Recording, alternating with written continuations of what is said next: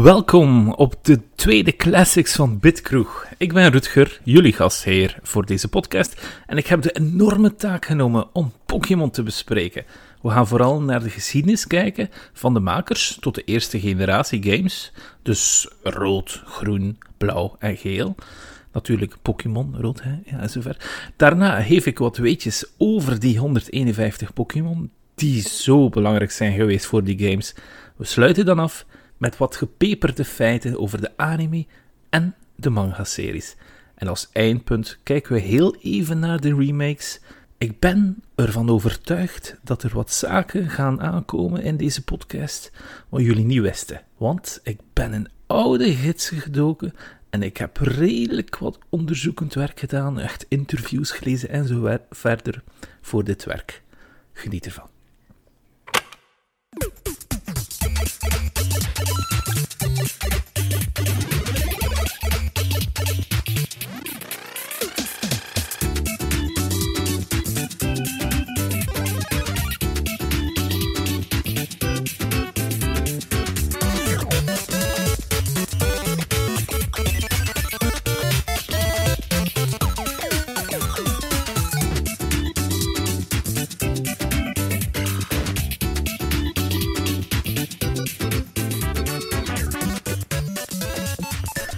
Ik ben een gezegend kind van de eerste generatie Pokémon. In 1999 was de tekenfilm het allerliefste waar ik naartoe keek. Echt thuiskomen rond 4 uur, nieuwe aflevering op VT4, altijd kijken, meezingen met die catchy intro's en outro's. En wist je eigenlijk dat die zanger van die intro echt amper geld heeft gekregen. Heeft maar 300 dollar gekregen voor die intro te zingen uiteindelijk. Oh, en die Pokérap en alle andere liedjes.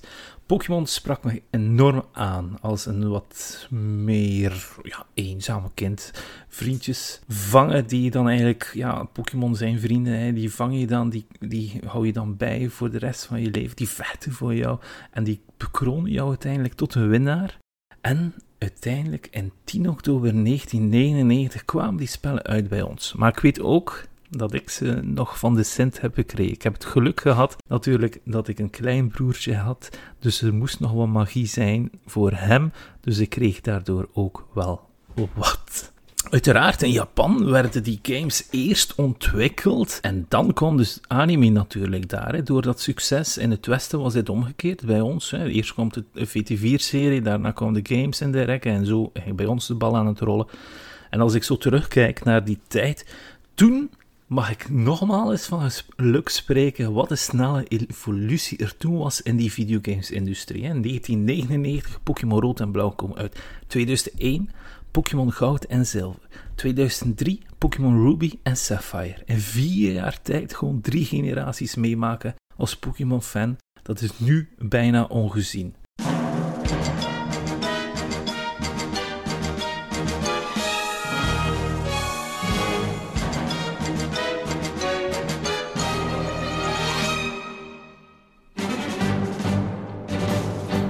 Dus uh, we gaan eraan beginnen. Hoe is Pokémon ontstaan? Dan moeten we eventjes in het verleden duiken van Satoshi Tajiri. En die naam gaan we heel veel zeggen in deze podcast, dus onthoud deze naam al goed. Satoshi of Tajiri ga ik hem zo noemen. En als je ooit in Japan bent geweest op reis, of je hebt al enkele manga of anime bekeken, dan gaat het je niet onbekend zijn dat Japan met zijn meerdere klimaten voor zo'n klein land heel veel diversiteit heeft aan insecten en kleine beestjes. In het verleden werden krekels en andere insecten dan ook vaak gehouden als huisdier. Kinderen nemen zelfs die neushoornkevers als huisdier om dan tegen andere kevers op te zetten, om ze tegenover elkaar te zetten op een boomstronk, om te zien van wie welke kever het sterkst is. En veel Japanners vinden zelfs het geluid van die insecten, dus van die krekels en die cicades, waar ze veel seizoenen mee in contact komen, erg geruststellend. Er zijn zelfs studies die dat aantonen, dat dat bepaald geluid dat die insecten maken inderdaad erg comfortabel is voor de Japanner. En zo ook Satoshi Tajiri natuurlijk, die van zijn vriendjes uiteindelijk zelfs Dr. Bug genoemd werd. Daar kunnen we wel uit concluderen dat hij ook die, ja, die bug te vangen had. Satoshi groeide op in Magida. Dat is een dorpje vol natuur en erg veel kleine beestjes om te vangen. Hierop is er dan ook het welbekende Pallet Town gebaseerd. Pallet een palet hè, uh, van kleuren. En uiteindelijk, als je in de games reist, dan kom je ook alle andere kleuren tegen. Vermilion City, Lavender City, Fuchsia City, Saffron City. Allemaal kleuren. Maar goed, dus dat, dat, dat is daarop gebaseerd. Het is een dorpje waar dat je dat avontuur start. Maar omdat dat dorpje eigenlijk nabij het groeiende Tokio lag, kwam de stad dichterbij met de jaren. Die breidt uit.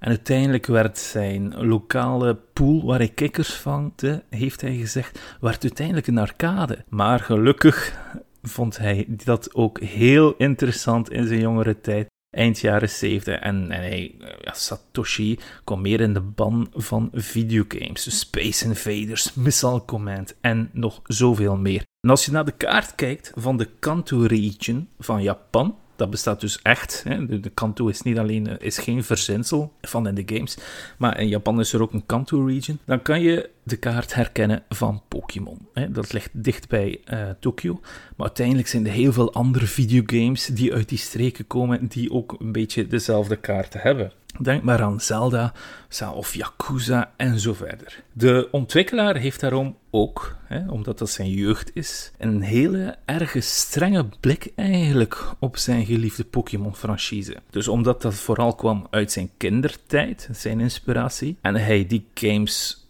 uiteindelijk gemaakt heeft voor die leeftijd, worden de games ook enkel getoond vanuit de ogen van kinderen omdat je als volwassen een heel ander perspectief hebt. Hè. Wij willen eigenlijk ook, hè, als je veel mensen van onze leeftijd hoort, als je hoort over Pokémon, zeggen ze altijd: Ja, ik wil wel een Pokémon die meer actie is. Ik wil dat je zien elkaar raken en zo verder. Of ik wil een MMORPG, maar dat wil hij niet per se. Hij wil eigenlijk dat het nog altijd toegankelijk is voor het jonger publiek. Maar hij wil ook dat het kind op een volwassen manier wordt benaderd, wordt behandeld in die games. En dat zie je ook omdat het kind in de games zich meer en meer bewijst door middel van badges te halen. Het is een ijzersterke visie, moet ik zeggen. Het is al generaties bezig ondertussen. Maar het werkt, hè. En dat is misschien ook wel de reden waarom dat veel volwassenen onder ons de Pokémon games vaak te kinderachtig vinden.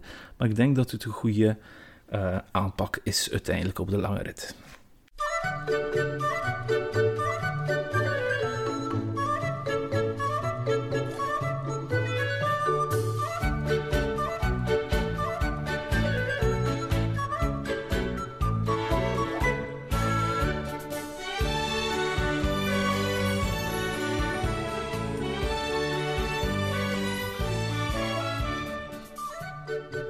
Nu, die Satoshi, hij bleef niet eeuwig kind natuurlijk. Hij kwam in zijn tienerjaren. En uiteindelijk, hè, die arcade stond daar. Ik heb al wat games opgenoemd wat zijn favorieten waren.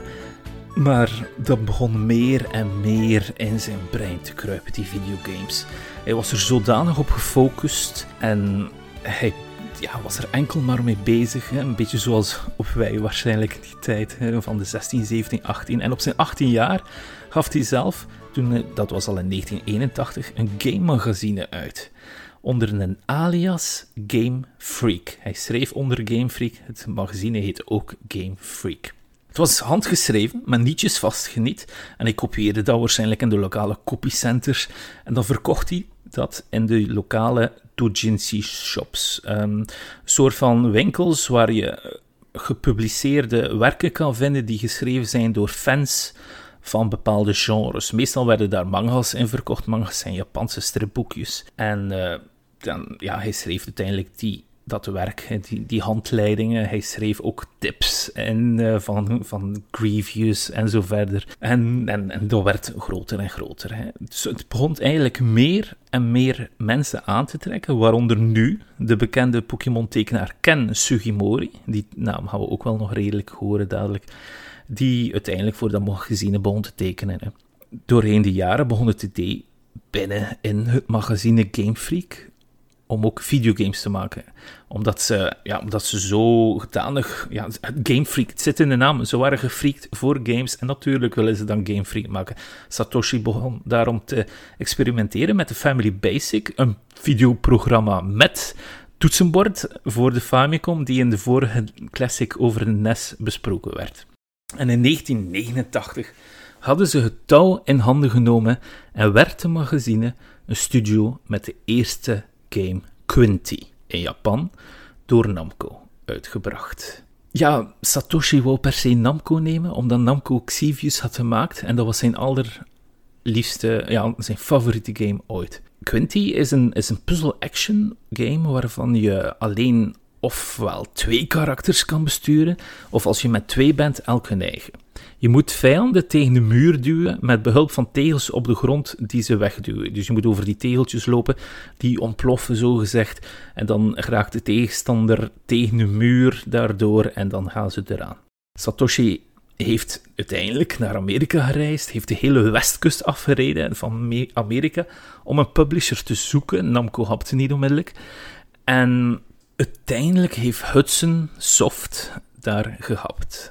Maar de naam en de cover is wat serieuzer gemaakt, omdat het nogal... Ja, het is altijd zo. Hè.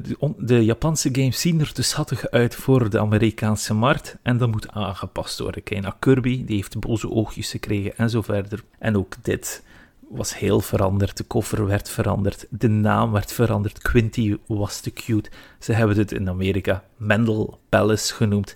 En is uitgekomen voor de NES. Uiteindelijk zijn er van die game in Amerika 60.000 stuks verkocht.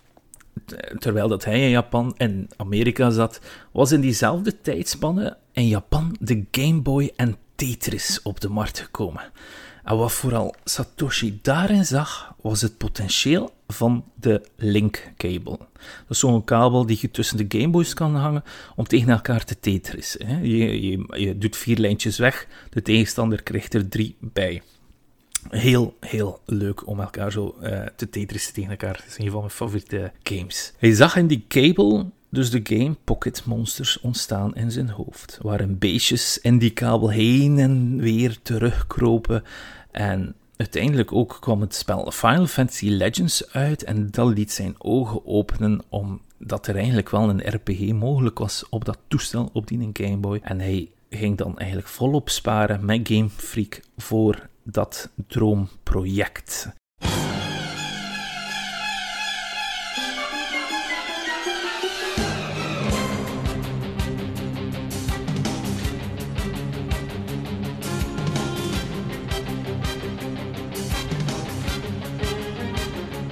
Dus, ja, oké, ja, ze willen dat project, ze hebben een idee. En in 1990, dus dat is al een goede 32 jaar geleden, klopt hij aan in Nintendo Japan met dat idee.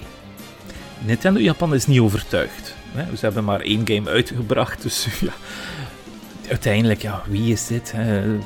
Dus iedereen kan misschien één game in die tijd uitbrengen en niet zijn, maar uh, ze moesten zich nog wel wat overtuigen. Maar wat wel interessant is, is dat uh, Shigeru Miyamoto, de, de, ja, de legendarische creator van Mario en Zelda en zo verder, die liep daar rond. En die hebben ze kunnen ja, met mee spreken. En die kwam vaak als mentor langs bij Game Freak om hun toekomstige games wat in goede lijnen te brengen. Het concept Capsule Monsters was geboren. Dus Capsule Monsters was geboren. Maar het duurde nog zes jaar, hè, 1990, vooraleer de games verschenen. Capsule Monsters is dus een van de eerste design-documenten die uiteindelijk uitgegroeid is toen Capumon, dus we hebben nu Pokémon, maar toen was het Capumon, en vervolgens Pocket Monsters. De naam Capsule Monsters was bijzonder moeilijk te trademarken, omdat, ja, omdat in Japan... Um, en als je ooit bent geweest, hè, ieder Akihabara, al die winkels staan vol met die capsules waar dat je, kunt er zoveel yen in steken. Draait er rond en er valt een capsule uit en daar zit dan een of andere gashapon in, een speelgoedje. Maar ja, het was niet de goede naam Capumon, hè, dus ze hebben vervolgens Pocket Monsters genomen. En dat design document, wat ik eerder aangehaald heb, zaten de allereerste designs van Red in. Red is het hoofdpersonage van Pokémon, of Blue, aangezien welke versie dat je gekozen hebt. En de eerste getekende Pokémon die we daarin in zien is Lapras, is een een soort van Nidorino en zo verder. Dus ze zijn al heel oud, hè, die beestjes, maar het is heel lang geduurd uiteindelijk voordat we er waren. Wat vooral opvalt, is dat veel van die Pokémon toen erg dinosaurusachtig eruit zien. Uiteraard zijn die inspiratie ook opgedaan in hun jeugd, hè, van de welbekende Godzilla-achtige monsters, de Kaiju, zoals uh, de specialisten zich dan noemen. Uh, die ze verkleind hebben om mee te dragen in hun zak. In die zes jaar was Game Freak dus ook bezig met andere projecten om hun droomproject te kunnen funden. En in 1991 bijvoorbeeld liet hun puzzelervaring het toe dat Nintendo hun puzzelgame van Mario ging maken met de bekende dino Yoshi. Hier beter bekend in Europa als de game Mario en Yoshi. Dat is zo met een gele cover, een NES-game. Dus een typische puzzelgame met elementen uit het eerder genoemde Tetris, echt waar. Ja, het lijkt er wel heel erg op, maar dan met Mario, vijanden die naar beneden vallen en Yoshi die aan de zijlijn staat en die ze dan opeet als je een of andere actie doet. Miyamoto was een van de producers van deze game deze game kwam dus eigenlijk een jaar later uit dan de Super Mario World op de SNES, waar Yoshi voor het eerst geïntroduceerd was. Ze waren in die tijd echt voor beide toestellen, voor de NES en de SNES, of de Famicom en de Super Famicom, aan het developen. Een andere kleinere game in 1992, dus ja, we, schuiven op naar 96, hè, was Smart Ball voor de Super Nintendo, die door Sony gepubliceerd is. Het is een, eh, ja, toch wel een betere platformer in de beginperiode van de SNES. Maar wat leuke elementjes hier en daar. Je bent een klein ja, blopje, het zit in de naam, hè. een smartball, blopje. Uh, en je kan plakken aan de muren of plafond en zo verder. Maar het heeft eigenlijk nooit de mainstream media doorbroken. Eindelijk heeft het wel een plek gevonden in de harten van de mensen die ermee opgegroeid zijn. Ja, toen ik wat game footage aan het opzoeken was, waren er heel veel mensen die zeiden: Oh, this was the best game when I was a little boy.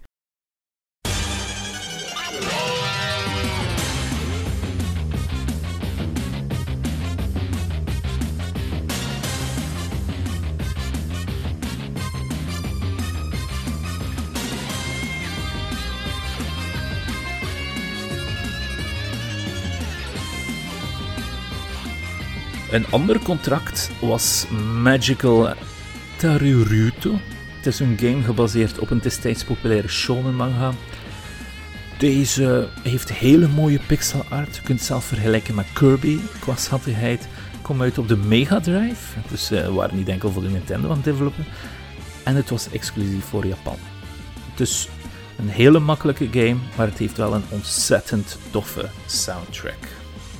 Nu ze nemen maar contractwerk aan om hun personeel te betalen, maar ook om hun, dromen te financieren natuurlijk.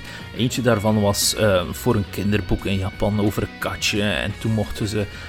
En, daarna mochten ze eindelijk weer aan de slag met de populaire Mario-franchise. Dit leidde opnieuw tot een puzzelgame met Mario. Het is een exclusieve Mario-game. De game heet Mario Wario. Het is voor de Super Nintendo. Um, je speelt eigenlijk niet met één van de twee. Je speelt met een feetje. Wanda heet die.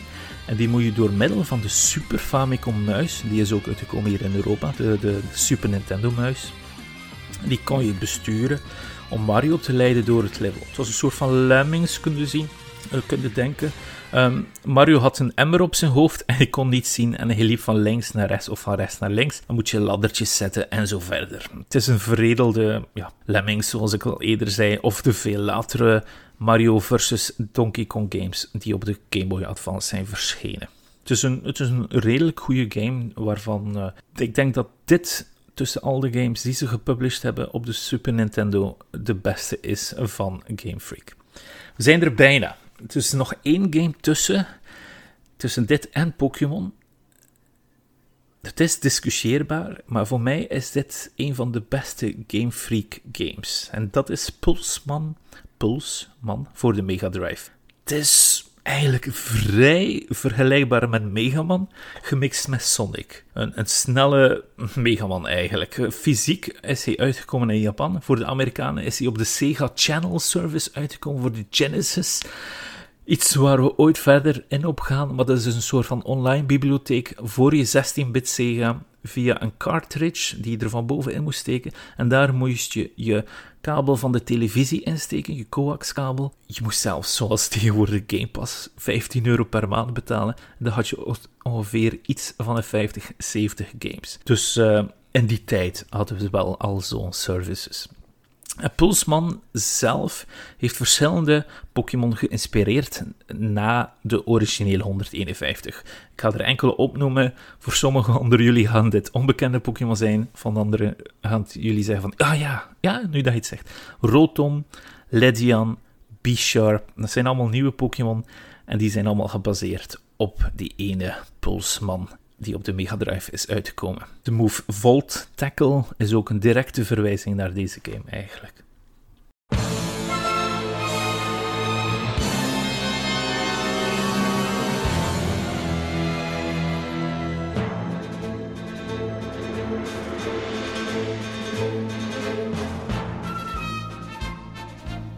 Zou eigenlijk willen vertellen dat, dat Game Freak uiteindelijk hier op dat punt Pokémon heeft gemaakt. Het werd een succes zoals we kennen, maar het is jammer genoeg veel ingewikkelder geworden. Um, na die zes jaar, enkele contracten hebben ze aangenomen, zoals ze eerder aanhaalden. Je zou aannemen dat Game Freak in goede cijfers zat, maar het was, het was niets is minder waar eigenlijk.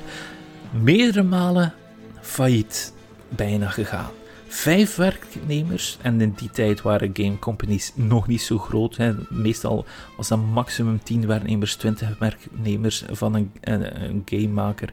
Maar vijf werknemers hebben zelfs een C4 afgegeven. Satoshi zelf heeft zich meermaals niet uitbetaald. En heeft aan ja, jaren bij zijn vader op de zolder gewoond eigenlijk. En ja, het was, het was roeien met wat ze hadden. Dus ze zochten gewoon naar externe investeerders.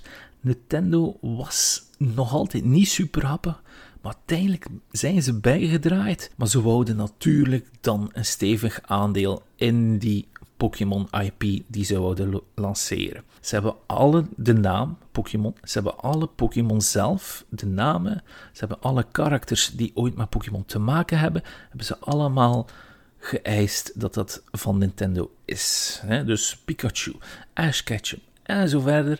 Dat is allemaal geregistreerd onder Nintendo.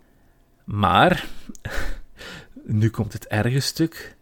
Game Freak had hierna nog altijd niet de volledige financiering van dat project. Dus ja, nog zoeken naar een andere. En hier komt er eigenlijk een andere bekendere second party van Nintendo op de proppen. Die heet Ape Inc. Enkele kenners van jullie gaan weten direct wie dat, dat is, maar dat is Ape Inc. is de maker van de originele Mother of Earthbound en Mario Picross. Dat zijn hele leuke puzzelgames en hele leuke RPG's. Maar deden naast games hadden wel nog het goede idee om ook officiële guides voor Nintendo en officieel speelgoed uit te brengen. Daar werd de structuur ook wat veranderd daar binnenin, omdat ze ook wat problemen hadden uh, intern. En ze veranderden uiteindelijk van naam naar Creatures Inc. Die kreeg ook een nieuwe president op dat punt. En dat was Tsune Kazu Ishiharada. Ook voor Game Freak heeft hij wat games geproduceerd in die zes jaar. En daardoor kende hij het potentieel in Game Freak. En heeft hij ook Pocket Monsters geholpen tot leven te komen. En uiteindelijk, met de devs van Modder, of ja, Earthbound in zich, eh, hebben ze ook wat gesleuteld aan het hele project natuurlijk. En dan weet je ook al direct, ah ja, het lijkt er inderdaad, als je het zo terugkijkt naar Earthbound en Pokémon, het lijkt wel een beetje op elkaar natuurlijk. Nintendo heeft dan ook nog een keer 10% aandeel in Creatures Inc. Eind jaren 90, door het succes van Pokémon, richten die drie grote aandeelhouders van Pokémon eigenlijk de Pokémon Company op om het geheel wat te overzien. En alles in goede banen te leiden natuurlijk. Dus ze keken naar de card games, die overigens in handen was van Creatures Inc. En naar de anime, de films en zo verder. Dat gaat nu allemaal door hen, eerst en vooral. Nintendo heeft hier een 32% aandeel in, in de company. Game Freak heeft naast dat succes wel nog altijd andere IP's proberen te lanceren, maar uh, het is nooit echt aangeslaan. Ik denk niet dat jullie Tembo the Badass Elephant kennen, die op Xbox en PlayStation is released. Little Town Hero is op Switch en op de andere consoles ook released. En Giga Wrecker, die is ietsje bekender, maar ik heb die ook nooit aangeraakt. Ja, zoals ik zei, hè, die hebben nooit het succes van Pokémon gekend.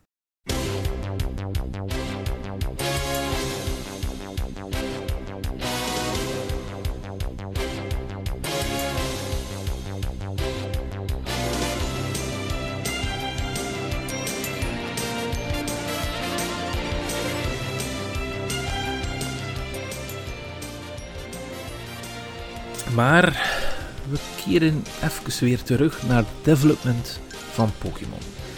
En niet de historie van dit geheel bedrijvenstructuur erachter. Ik denk dat we het min of meer hebben uitgelegd. Het is nog altijd heel ingewikkeld, maar ik hoop dat het wel uh, te snappen valt. Dus Pocket Monsters Red and Cream. Die werden dan uitgebracht op 27 februari 1996.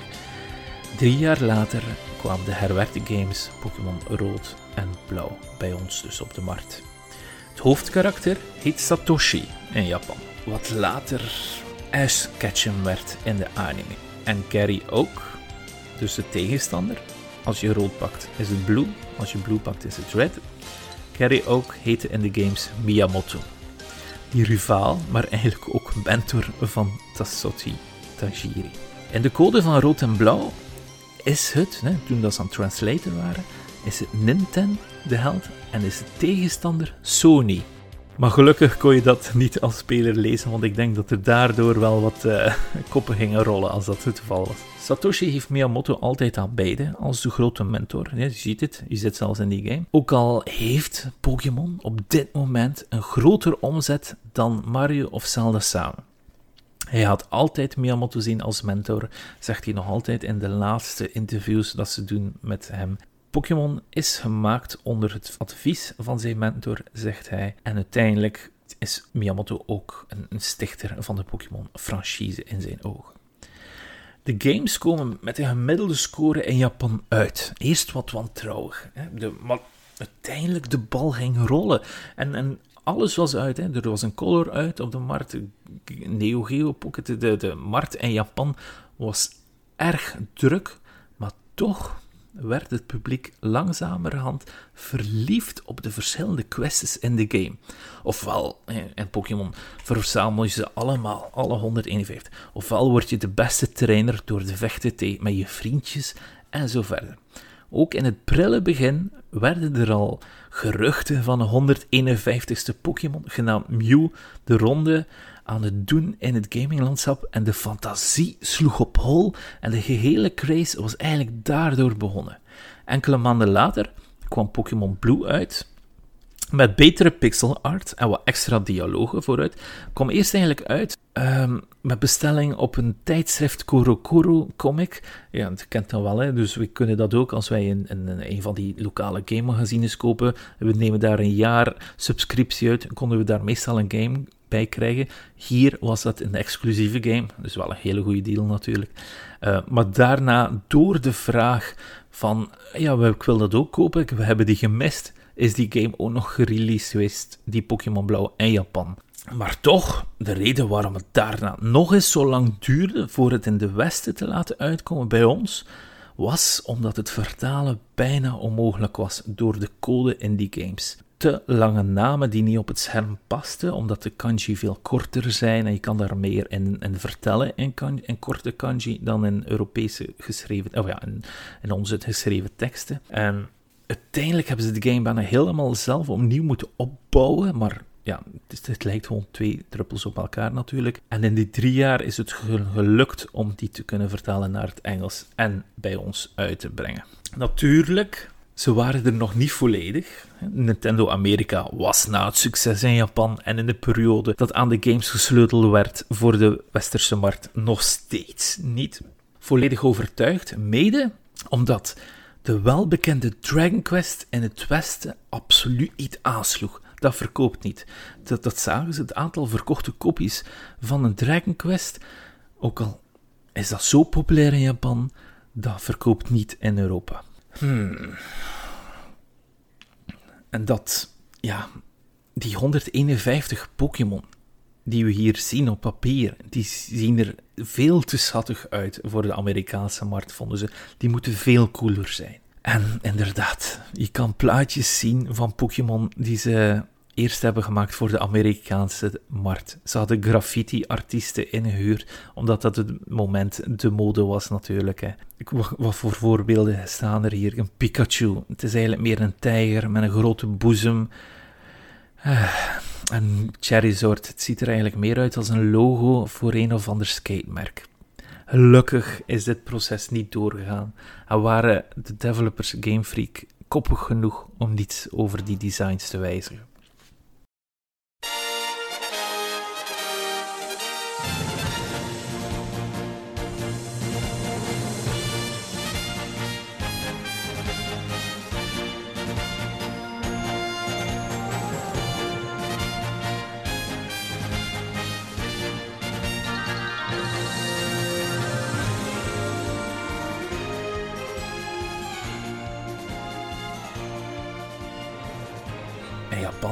Dat succes, er komt natuurlijk een anime. Wat later ook, hè, zoals ik eerder zei, bij ons op VT4 uitgezonden wordt. Het introduceerde ons wel de meer specialere Pokémon Pikachu. Die door het Japanse publiek erg geliefd was en daardoor de mascotte werd voor de serie. Hierop hebben ze uiteindelijk Pokémon Geel. Dus de Pokémon Yellow Version Special Pikachu Edition is de volledige naam van die game. Dat is veel te lang, we noemen het gewoon Pokémon Geel. Die is gebaseerd hè, op de anime. Je start met de gele muis. Komt ook de geliefde Team Rocket. Ja, oké, Team Rocket is niet geliefd, maar de Jesse en James karakters wel natuurlijk. Die zitten ook in de game. Dit is ook, Pokémon Geel is de laatste game die gereleased is in Europa voor de originele Game Boy. En het kwam ook tegelijkertijd uit met de Pokémon film in de bioscopen waar we in de rij stonden om een van de vier kaartjes te bemachtigen. In geel volgt Pikachu u en heeft Pikachu een schattige, ja, heeft een schattige surfanimatie die je enkel kon krijgen door Pokémon Stadium te linken ermee. Pokémon Stadium was een Nintendo 64 versie, die zit niet in dit epos van de podcast. Je kon met de Game Boy printer zelfs linken met Pokémon Geel. Dat kon je niet in rood en blauw om je Pokédex af te printen. De Pokédex is natuurlijk de log waar je alle Pokémon-omschrijvingen in kan lezen van al die die je gevangen hebt. En ook hoe groot ze zijn en hoeveel dat ze wegen. Nu, over die beestjes. Hè. 151 verschillende Pokémon die ik kan opnoemen met wat tijd. Maar ze hebben een grote indruk nagelaten om mij. En wellicht ook u. Iedereen kent eigenlijk een Charmander, een Squirtle, een Bulbasaur, een Pikachu, een Eevee, Mewtwo, de drie legendarische vogels en zo verder. En ze gaan niet dood als je er één verslaat. Ze vallen flauw en dat is ook logisch, omdat we eerder aangehaald hebben dat de franchise gericht is op kinderen natuurlijk. Het zou een heel trauma geven natuurlijk, moest je starter het begeven onderweg op je reis. Ik weet dat ik het heel kut zou gevonden hebben als kind als dat zou gebeuren. Ik kan ook een Pokémon een nickname geven, omdat een Pikachu, volgens Satoshi, het ras is van de Pokémon, maar heeft hem een naam zoals je een kat een naam zou geven. En de aanvallen zijn bewust nooit getoond in de games als erg aanvallend of zichtbare verwonden, omdat Satoshi geen interesse heeft in dramatisch geweld in zijn geliefde series. Dat is interessant. Je kan in een van die originele versies 124 Pokémon vangen zonder te ruilen. Een foutje met de doos van toen der tijd zei dat je de 139 kon vangen. Dat is niet waar. Het waren er 124. En zoals eerder aangehaald, had blauw en rood bij ons elk hun exclusieve Pokémon. Bij rood was dat Ekans, Arbok, Oddish, Gloom, Vileplume, Mankey, Primeape, Growlithe, Arcanine, Scyther en Electabuzz. En bij blauw Sandshrew, Sandslash, Vulpix, Ninetales, Meowth, Persian, Bellsprout, Weeping Bell, Victory Bell, Magmar en Pinsir. En als ik er zo op terugkijk welke versie ik zou kiezen, ja, het is nog altijd wel erg lastig. Hmm. De meeste van deze Pokémon zijn ook naar de hand van beide Satoshi en Ken Sugimori. Maar het team is wel veel groter dan dat. Hè. En bijvoorbeeld een belangrijk iemand die de beestjes heeft gemaakt die schattig moesten zijn, was Atsuko Nishida, de eerste vrouwelijke Pokémon designer bij Game Freak. Van haar hand komen Pikachu, de starters, Eevee. Ze vangt op wat Sugimori niet kan. En dat is eigenlijk iets schattigs, iets aaibaars maken. Een andere is Motofumi Fujiwara. Maar deze persoon is zoals mevrouw Atsuki erg gereserveerd en geven heel weinig weg in interviews.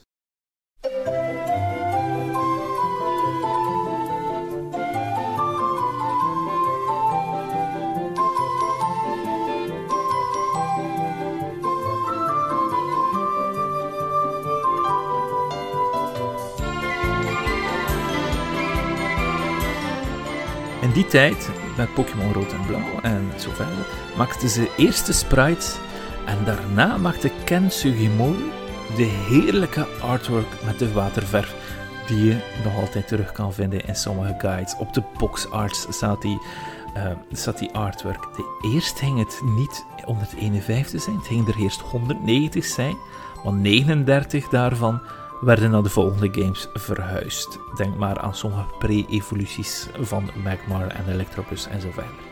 Soms nam de anime ook hun ja, een eigen creatieve vrijheid eigenlijk. En dat vloeide terug in de games. Een Vaporeon of Venusaur ziet er heel anders uit in de oorspronkelijke rood en groen. Uh, in Japan, de sprites die, die we nu eigenlijk kennen. Origineel hadden ze zelfs geen, eh, geen kleuren en gedachten voor die Pokémon. Ze maakten de sprites. De Game Boy was zwart-wit eigenlijk, of ja, zo met verschillende tinten grijs. Maar met de komst, ja, in die tijd was het einde van de Game Boy. De Super Game Boy bestond. Een Super Game Boy, dat is iets dat je in je Super Nintendo kon steken. Dan kon je die cartridges daarin steken. En sommige games kregen dan kleur.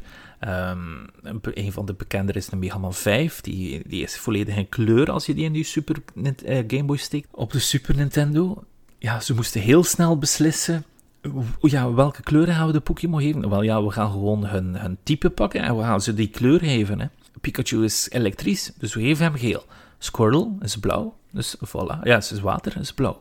Charmander is vuur, dus rood. Heel de lijn is bijna zo. Voor hetzelfde geld hadden ze in hun gedachten, de originele designers, van ja, ja, Squirtle is groen. Ja, dat zou wel logisch zijn in feite. Maar ja, dat werd nu later wel wat opgelost met de term van shinies, maar die zit nog niet in deze versie, want er was nog geen kleur en Pokémon. Zoals ik eerder zei, ze maakten eerst de sprites. Tegenwoordig is dat niet meer het geval. Hè. Nu maakten ze eerst de artwork. Een heel team zit erachter in feite om Pokémon te, te designen tegenwoordig. En daarna maken ze eigenlijk de 3D-models zelf. Er is geen limiet meer. Hun oude wijze van werken had zelfs wat problemen meegebracht. Vooral met de ruggen van de dieren. Die gecommuniceerd werd in feite. Soms een extra stekel op de rug of een staart wat dat er tegenwoordig geen staart meer is, en zo verder. Maar alles werd later bijgewerkt. Sommige Pokémon hun, hun roepen, hè, ieder Pokémon die je tegenkomt, die doet een, een of ander 8-bit geluidje. En die waren zelfs hetzelfde. Hè. Ik weet niet of ik had het nooit niet door, maar blijkbaar was een Charizard en een Rhyhorn hetzelfde. Een Ditto en een Poliwag was hetzelfde. Een Caterpie en een Goldeen was hetzelfde. En er was uiteindelijk ook wel onenigheid tussen de designers, omdat alles op dat moment zelfs wel door elkaar werd gemaakt. En bijzonder was het uiteindelijke eindproduct eigenlijk een succes, hebben ze al laten weten. Ik vergelijk die periode, die hele beginperiode met die foutjes en de Pokémon designs, eigenlijk graag met onze eigen persoonlijke geschiedenis. Als de eerste ontdekkingsreizigers terugkwamen van Afrika of Australië. En ze hebben die tekeningen bij van tijgers, olifanten of kangoeroes. Dan ziet het er zo anders uit zoals de dieren die we vandaag de dag kennen. Vandaag de dag loopt dit veel beter en hebben ze zelfs een Pokémon lore persoon in dienst genaamd James Turner die de meeste verhalen rond de nieuwe designs beslist en verzint. Opvallend is het dat het, ja, dat het geen Japanner is en hij heeft zijn start genomen bij Pokémon XT, Gale of Darkness, en is een van de mededesigners van Dark Lugia. Maar dat is een andere generatie Maar misschien wel later ietsje meer over Lugia. Want dit ah, zit eigenlijk nog in die eerste generatie. Daar gaan we dadelijk wel bespreken in de anime-gedeelte. Dus, die Pokémon. We vangen dat met Pokéballs. Dat is een rode en witte bal met een knop erop om ze te vangen. Het is een beetje gelijkend op die capsuleballen zoals ik eerder heb aangehaald in die Gashapon machine. In de originele guide staat er dat de Pokéball in de Pokémon-geschiedenis in 1925 is uitgevonden om een groepje Primeape te vangen die een ravage aan het maken waren. Ja, nu met de komst van die nieuwe Pokémon-game op Switch hebben ze in hun eigen geschiedenis wat gesneden, denk ik. De Primeape werden verdoofd, maar de medicijnen waren te sterk en daardoor werden ze ook zwakker, waardoor de Pokémon hun overlevingstechniek van zichzelf kleiner te maken zich inschakelt en die kroop dan in die bal. What kind of Pokemon are you? How do you do the things you do? Share with me your secrets deep inside. What kind of Pokemon are you? Are you loyal through and through? And do you have a heart that's true? What kind of Pokemon are you? Yeah. Come on. Yeah. Uh huh. Yo, to your normal type like Jigglypuff against the ghostly gang. Got the battle's real tough. Thunderbolt's a great electric attack till you get ground down by a Marowak. What kind of Pokemon are you? How do you do the things you do? Don't you bug me with a Caterpie for flying types. The win's easy. Good luck with muck and its poison gas. Make one wrong move and it'll kick what your kind grass. Of Pokemon are you? How do you do the things you do? Moeten we door alle originele Pokémon gaan? Ik dacht eerst van niet om dit niet te doen, maar tijdens mijn opzoekingswerk vond ik meer en meer van die leuke weetjes en dacht ik, hmm, ik ga ze allemaal even snel in de kijker zetten. Ik ga ze niet omschrijven, heb ik uiteindelijk wel gedaan. Of hun type opnoemen, heb ik uiteindelijk wel gedaan. Het zou anders nog een uur duren, ik denk dat het nog een uur duurt, om dat te doen. Maar wel iets interessants ga ik er nog altijd over toelichten. Dus, we gaan nu alle 151 Pokémon overlopen. Is het niet, heb je daar niet eens in? Ik zal hier een timestamp zetten. Kun je dadelijk terug door naar de anime kruipen. Of ja, klikken. Onze allereerste in de Pokédex is uiteraard Bulbasaur. Het is een kikker. De naam heeft inspiratie genomen van het uitgestorven dier, de Bulbasaurus. De meeste grasstarter Pokémon zijn volgens mij ook gebaseerd op de uitgestorven dieren die de grootste waren in hun lijn. Denk maar aan een Chikorita, een Sceptile en zo verder. Die kikker heeft trouwens een plant op zijn rug. Een Bulbasaur evolueert in een Ivysaur. Ivysaur op zich heeft doorheen alle animaties in de serie of films nog nooit verloren. Als hij in beeld is, dan kun je eigenlijk weten, die gaat winnen. Nog voor de designers van Pokémon Evolutie nog niet hadden vormgegeven, was dit een van de originele Pokémon die ze hebben gecreëerd. Later hebben ze Bulbasaur en zijn evolutie Venusaur gemaakt. Tijdens de dev-tijd hadden ze plotseling het uh, lumineuze idee om evolutie erin te introduceren in de videogame. En daardoor zijn er ook wat afkooksels gemaakt dan om te, evolueren en zo verder. En dan, uh, dan ga je wel zien uiteindelijk. En doorheen al die Pokémon, dan ga je wel doorhebben van, ah ja, die hebben ze vast eerst gemaakt en die komen erna. Dus Venusaur heeft op zijn rug, hè, hij had eerst een plant, maar dan uiteindelijk heeft hij een grote mooie rode plant en dat heet de Rafflesia ornoldi. Die komt voor bij ons. Het is de grootste solidaire bloem op aarde. En het is eigenlijk zo eentje die stinkt naar een rottend lijk. Je kan die misschien verwarren met de reuzenaronskelk vanwege de geur, maar die ziet er anders uit. Hè. Ik zei al, hij is rood, hij is meer platter, maar heel groot. De reuze aronskelk kan je wel bezichtigen bij ons in Meissen in de plantentuin of hier in Gent zelfs. Diegene van Venusaur, dus die Rafflesia, is zeldzamer en staat erom bekend om het meest onbegrepen organisme te zijn in onze echte wereld. Ook is de geur in de Pokémon-wereld niet hetzelfde. Het is geen geur van een lijk, het is eerder zoet. Hij is tevens de Pokémon, Venusaur, die de boxart van Pokémon Leaf Green siert. Charmander heeft in zijn originele artwork en sprites een spike op zijn rug. Met Blue is dit dan ook weer weggenomen. Ook het aantal vingers is vaak veranderd, hè, zoals ik al eerder zei. Maar het coolste vond ik van deze Pokémon uiteraard de aflevering waarbij Ash de vlam op zijn staart niet wou laten uitoven, want anders sterft dit beestje. Evolueert in een Charmeleon, die al meer als een draak lijkt, maar dan eigenlijk zonder vleugels. Deze is redelijk competitief en vecht graag met andere sterke tegenstanders. Hierna evolueert hij nogmaals in de Charizard nu, wat lijkt op een Europese draak die eerst geen fly kon, dus die kon niet vliegen in de games. In rood en blauw kon die dan niet, uiteindelijk in geel wel. Je kan die dus terugwisselen van geel naar rood en blauw. Ik dacht dat Firestarters altijd het Chinese nieuwjaar-iconen gebruikten. Draak, muis, varken, haan. Doorheen de generaties van Pokémon hebben we dat gezien. Maar het lijkt erop dat de volgende, een krokodil-appel-Pokémon in uh, Scarlet, en wat is het daar, die gaat uitkomen, dit gaat breken. Ik vind dat zelf een beetje spijtig dat ze die uh, traditie gaan breken. Ook heeft Charizard een nieuwe ontdekte bijensoort zijn naam als inspiratie kunnen geven. Hoe cool dat niet? De Chilicola Charizard. Chilicola, het is een groep bijtjes die oranje zijn en die te vinden zijn in de hoge bergen. Charizard het natuurlijk de cover van Pokémon Rood. De volgende evolutielijn is dan weer mijn favoriete starter. Dat is de water Pokémon Squirrel, een mix van een schildpad, turtle en een eekhoorntje Squirrel. Enkel is de Japanse naam geen Squirrel of Squirtle te bekennen en is de staart van Squirtle en zijn evolutie Wartortle eerder gebaseerd op de Japanse legende waar de staart van de schildpad gemaakt is door zeewier. Dus inderdaad, zoals ik eerder zei, ik denk dat Squirtle eerder groen moest geweest zijn. Maar door de kleurenlimitatie werd alles snel blauw.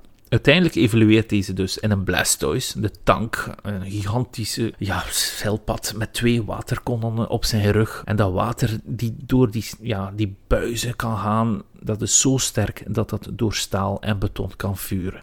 Deze unit staat natuurlijk op de cover van Pokémon Blauw. En dan gaan we starten met de wat meer voorkomende Pokémon. Hè.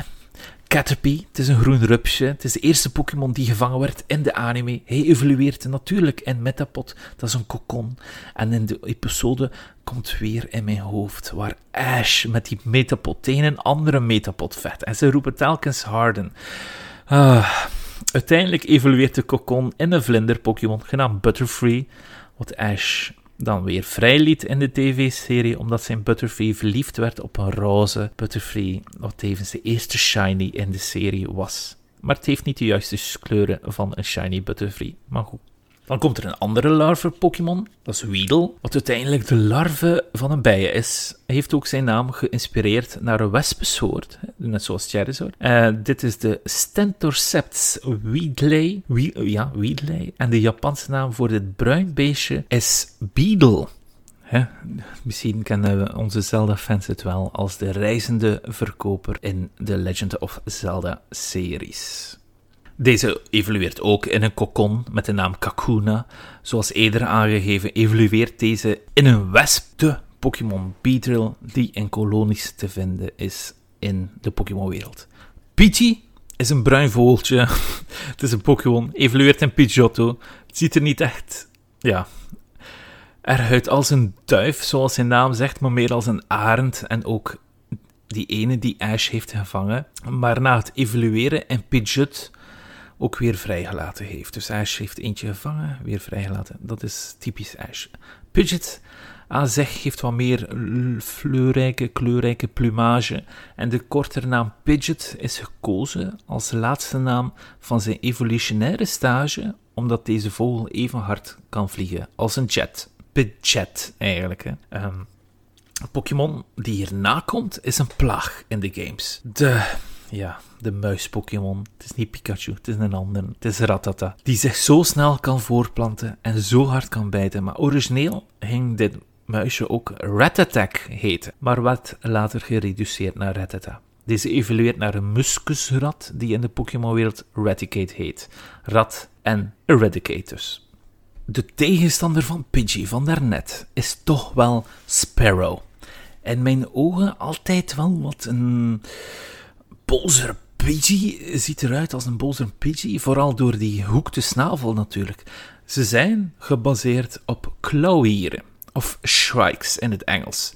Dat is eigenlijk een erg evil zangvogeltje, omdat hij zijn prooien spiest op takken of doorns om ze later gewoon op te eten. De evolutie van een Spiro wil je ook niet tegenkomen, de Firo.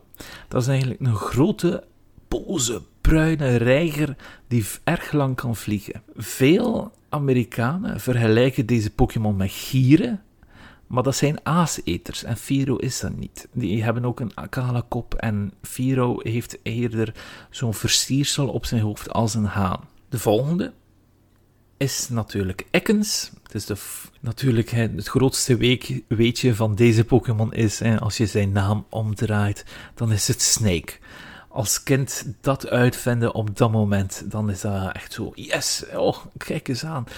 Een paarse slang is dat, die Ekans. Die de eieren van Pidgey en Sparrows. De Pokémon van Jessie in de anime evolueert uiteindelijk ook in zijn volgende fase, Arbok. Die natuurlijk, ja, zoals zijn naam suggereert, omdraaien. En het is Cobra. Paars van Poison natuurlijk. Heeft veel talenten van verschillende slangen. Hypnotiseren, van prooien giftige tanden, wurggrepen uitvoeren en zo verder. Deze cobra kan ook zijn patroontekens op zijn verbrede nek veranderen om verschillende statuseffecten op de tegenstander of zichzelf te doen. Dat was niet zo prominent in de anime, jammer genoeg. En zelfs hierin spreken ze zichzelf soms wat tegen, omdat uh, de nieuwere games is het patroon gewoon vaak anders in verschillende regio's. We zitten nu aan nummer 25 en voor de kenners weten we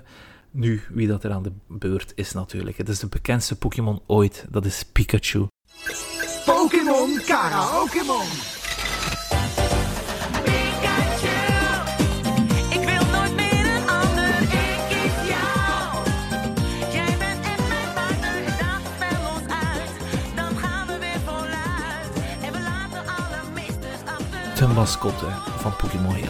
Pikachu is Pika. Wat Japans geluid is voor elektrisch spark. Ja, vonkje ziet, dan is dat Pika in Japan. En Chew is het geluid wat een muisje maakt. Chew.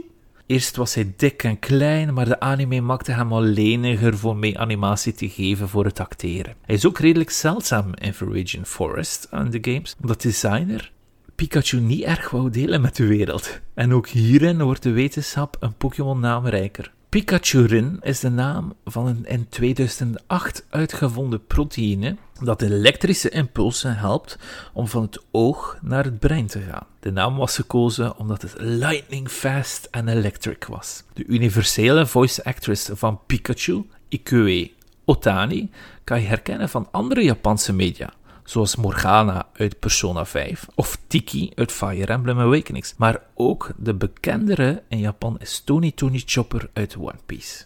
Natuurlijk, met de Thunderstone kan deze mascotte evolueren in de minder geliefde Rachu. Dat is een dikkere, grote oranje Pikachu. De zand-Pokémon Sandshrew en zijn evolutie Sandslash zijn beide erg gebaseerd op subdieren, zoals een pangolin of gordeldier. Shrew komt van spitsmuis, en zoals dat sommige soorten spitsmuizen giftig kunnen zijn, kunnen deze zandkleurige Pokémon dit ook zijn. Dan Nidoran zijn eigenlijk twee paarse stekelige Pokémon. Je hebt Nidoran vrouwelijk tekentje en Nidoran mannelijk tekentje. In de originele games van rood, blauw en groen en geel zaten nog geen gender-Pokémon. Dat was het enigste in de games waarvan we wisten wat voor gender dus ze hadden. En deze gaan ook altijd gezien worden als verschillende soorten Pokémon in de toekomst. Deze eerst zatte, maar ook giftige fase lijkt eigenlijk op een hamster. Het is gebaseerd op Hyraxis of Dassies.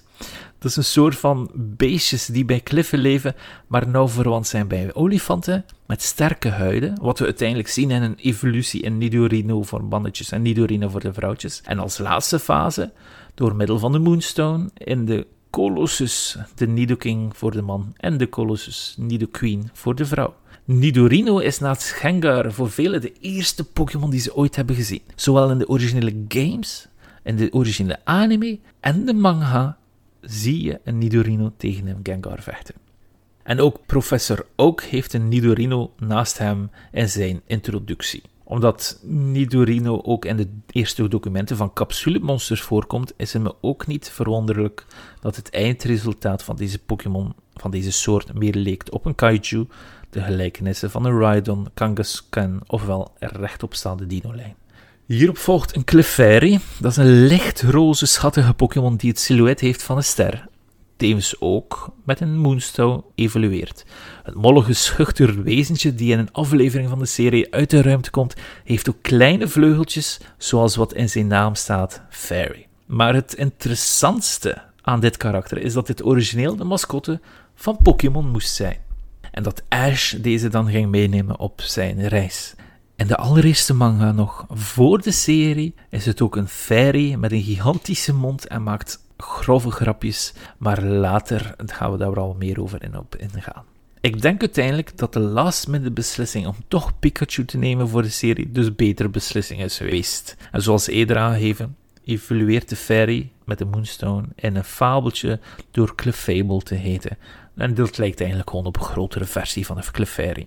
Nu komen we aan bij een van de meest favoriete Pokémon voor velen. En dat is het klein rode vosje eh, met een vurig talent, de Vulpix. Die worden geboren met één staart, maar naarmate de tijd voorbij gaat, krijgt het tot zes staarten. Het evolueert met een Firestone, hoe alhoewel Vulpix wel het minste HP van alle vuur-Pokémon heeft, kan zijn evolutie Ninetales tot duizend jaar leven. En zoals de Ninetales naam impliceert, heeft deze beige vos negen staarten en is gebaseerd op de mythische Kitsune van de Japanse folklore. Je weet wel, Naruto heeft die ook in hem. Deze Pokémon kunnen ook wat psychic en ghost aanvallen leren, naast hun vurige moves, vanwege de link met het spirituele in de Kitsune-legendes. Oh ja, Ninetales is niet geschreven als tales van staarten, maar als tales van verhalen. We gaan bij de volgende Pokémon het liedje zingen waar deze volgende zo bekend is mee geworden. Jigglypuff. Jigglypuff. Oh nee, ik kan niet.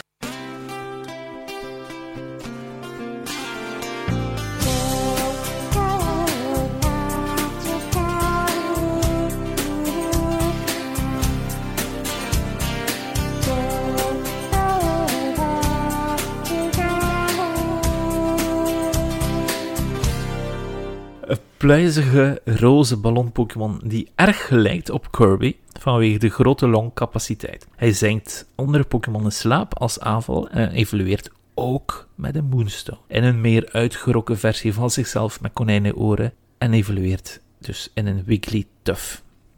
Zelfde longcapaciteit heeft dat evolutie, maar hij kan dat ook gebruiken om zichzelf tot 20 keer zo groot op te blazen in grootte. En rood en blauw ik weet dat nog, toen ik zo eh, in mijn kindertijd, ik vond het eigenlijk niet fijn om in die grotten te gaan in de game. Ik kwam altijd maar diezelfde Pokémon tegen, die Zubats. Dat zijn die blinde blauwe met paars gevleugelde vleermuisjes die je niet meer rust konden laten in die tunnels. Blijkbaar kunnen ze niet tegen ja, zonlicht, want ze krijgen dan brandplekken en verstoppen zich daarom in donkerplekken. Echter, als je ze gevangen hebt, is dat plotseling geen ding meer vanwege de band met de trainer. Misschien omdat het ook een parasiet is. Eenmaal het evolueert, krijgt het kleine oogjes en een gigantische mond, waar vroeger in de sprite stak hij zijn tong uit de golpet.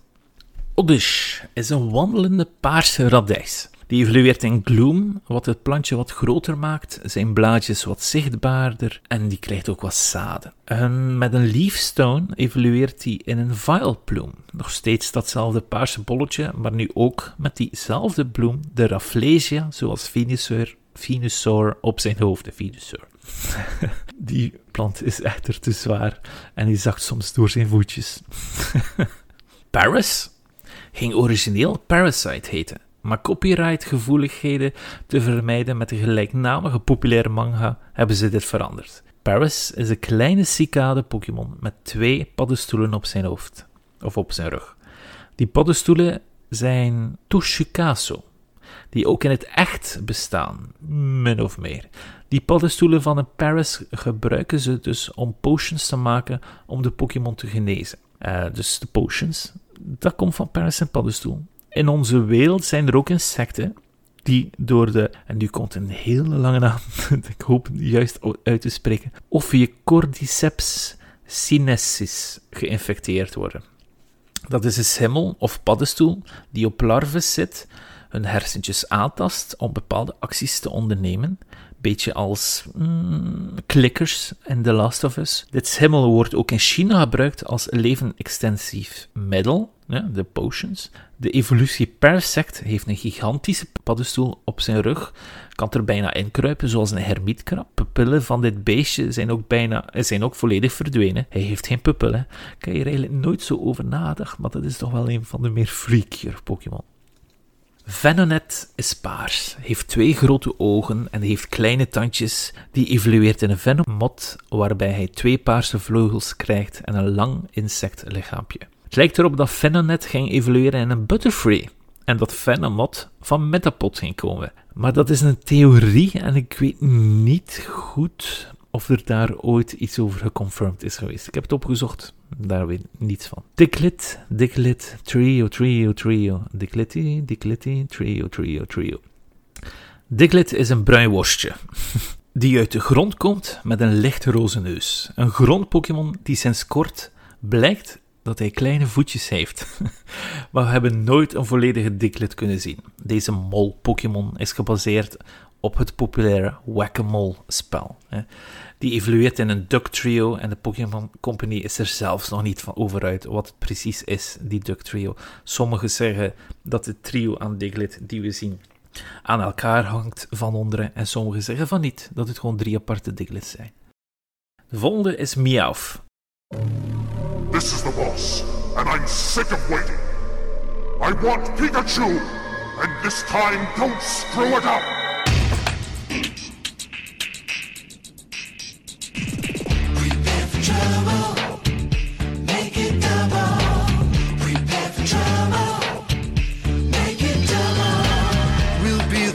Richest rogues of all time. creators of a grand design. I'll be the king. I'll be the queen. I'll be the joker of crime.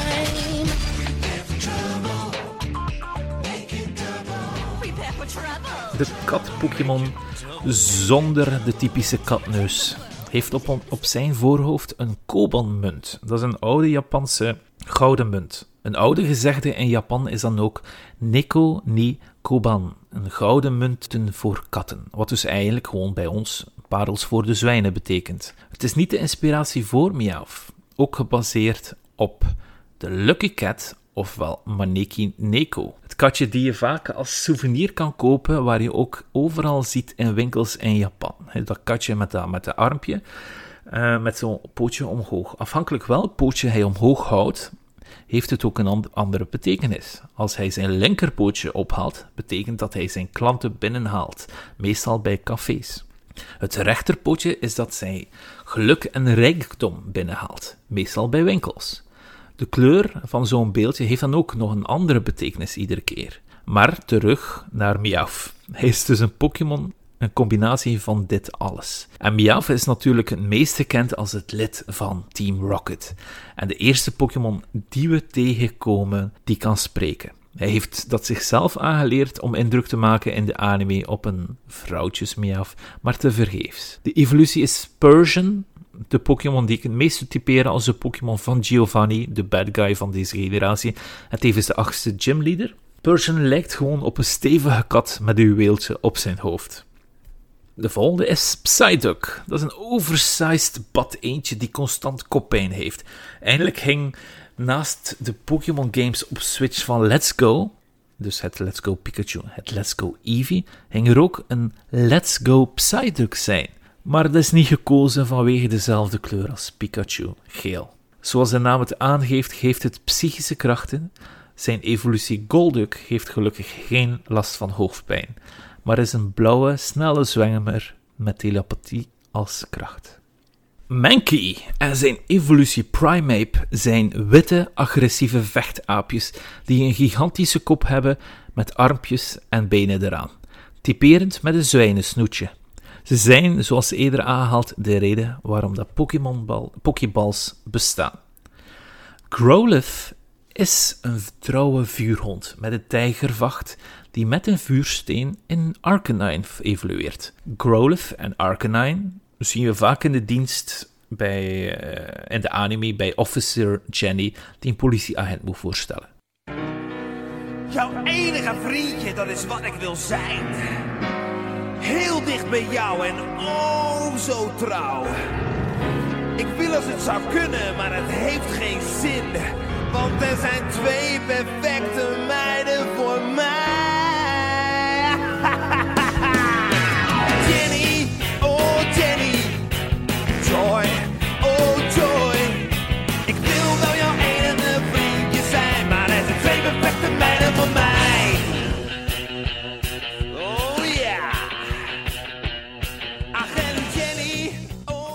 Deze Pokémon moet eerst in originele drafts een legendarische Pokémon worden, maar heeft spijtig genoeg, nooit die status gehaald. En net zoals zijn counterpart Ninetales, is deze gebaseerd op de mythologie van de Shisa of Komainu. Ofwel de leeuwenhonden, de beschermers van tempels in het oosten. Dus soms staan er vossen, soms staan er Komainu, die leeuwenhonden. Poliwag, Poliwhirl, Poliwrath zijn Pokémon in stadia eigenlijk van kikkervisjes. Poliwag is een kikkervisje met beentjes, Whirl krijgt armen. En Poliwrath, ja, die heeft het niet gehaald. Hij is eigenlijk gewoon naar de gym geweest om wat spieren te krijgen. Met behulp van de Waterstone eigenlijk wel. Hoewel Satoshi Tajiri zijn favoriete Pokémon Poliwag is, ben ik dan daardoor nog meer teleurgesteld in die laatste evolutie. De Poly-familie hebben die versiersels op hun buik, omdat volgens Satoshi, als je een kikkervisje vangt in het wild, ook de darmpjes kan zien van deze doorzichtige wezentjes. Dus daarop is zijn buik met die spiraal gebaseerd. Abra is een Pokémon die je tegenkomt en zichzelf weer wegteleporteert. Heel moeilijk om te vangen, maar met genoeg geduld en geluk gaat het uiteindelijk lukken. Oorspronkelijk ging deze ook Hocus heten. Kadabra, dus Abracadabra, is zijn evolutie. Er is een urban legend dat er ooit een kindje was in de Pokémon-wereld dat met psychische krachten was en toen hij plotseling wakker wordt op een ochtend was hij een Kadabra. En ja, deze ging ook Pocus heten normaal gezien. Hocus Pocus. Ook een ander leuk weetje van deze Kadabra is dat de Pokémon-kaart niet meer is geprint sinds 2003. Dat komt omdat Yuri Geller, dat is een Amerikaan die zichzelf vooral bekend heeft gemaakt als paranormalist met het buigen van lepels, wat Kadabra ook doet. Hij heeft ooit gedreigd om stappen te ondernemen omdat het te veel gelijkenis had. Sinds kort heeft hij op Twitter wel zijn excuses aangeboden en laat hij het weer toe dat Kadabra meer mag gebruikt worden. Kadabra evolueert door middel van Pokémon te wisselen. Als jij een Kadabra stuurt, krijgt de ontvangene een Alakazam. Een Alakazam is een grotere Kadabra zonder staart. De Alakazam heeft ook een IQ van over de 5000. Dat is abnormaal veel. Een Machop heeft kracht, zoals wat voor Abra paranormale kracht is. Het is een reptielachtige bodybuilder, evolueert in een Machoke die nog meer traint door weer en wind. Hij heeft in deze stage zo'n gouden worstelriem aan en nu eenmaal die uit is, heeft hij blijkbaar nog meer kracht. Deze evolueert ook via dat wisselen, via de kabel, en zijn volgende stap is dan ook met Champ waar hij plotseling een extra stel armen krijgt, bijna gelijkend op Goro van Mortal Kombat. En men zegt dat deze powerhouse, dat hij alle gevechtssporten kent van de wereld. Bellsprout, ja, dat is eigenlijk gewoon een narcis met twee blaadjes als armpjes. Deze evolueert in een weepenbel, die best wel scary is. Die hangt in het bos, gecamoufleerd als bloem. En eenmaal men eronder loopt, krijg je een poeder over je heen, waar je langzamer ja, van verlamd wordt. Eenmaal hij niet meer kan bewandelen, bewegen, sluipt hij dichterbij en hakt hij je in stukjes met zijn vlijmscherpe blaadjes en eet je vervolgens op. Ja, erg. De laatste evolutie bereikt het monstertje met een Leafstone in een Victreebel. Die shout Oh, dat is verschrikkelijk. Die zit nog gebakken in mijn hoofd van de anime door James. Net omdat dat zijn tweede Pokémon was. Deze stage van zijn evolutie lijkt het meest op een bekerplant. Wat je kan vinden in tropische regio's van Azië en Madagaskar. Of natuurlijk hier in de Serres, eh, in Meissen of in Gent. Die kun je ook makkelijk zien daar. Onder het blad van dit plantje hangt wat nectar. En daar worden insecten naartoe aangetrokken en vallen daardoor uit op een wasachtige laag in de beker, waar ze in voedsel omgezet worden voor de plant. Tentacool en de evolutie Tentacruel zijn een soort van kwallen gemixt met aliens van B-films uit de jaren 50. En net zoals echte kwallen kunnen sommige giftig zijn, maar de onze schieten gelukkig geen laserbeams uit hun voorhoofd met zo'n kristalletje erop. Die hebben we gelukkig niet. Geodude is een steen met twee armen, een mond en twee ogen. Kan niet zweven, ook al heeft de anime dat altijd laten uitschijnen.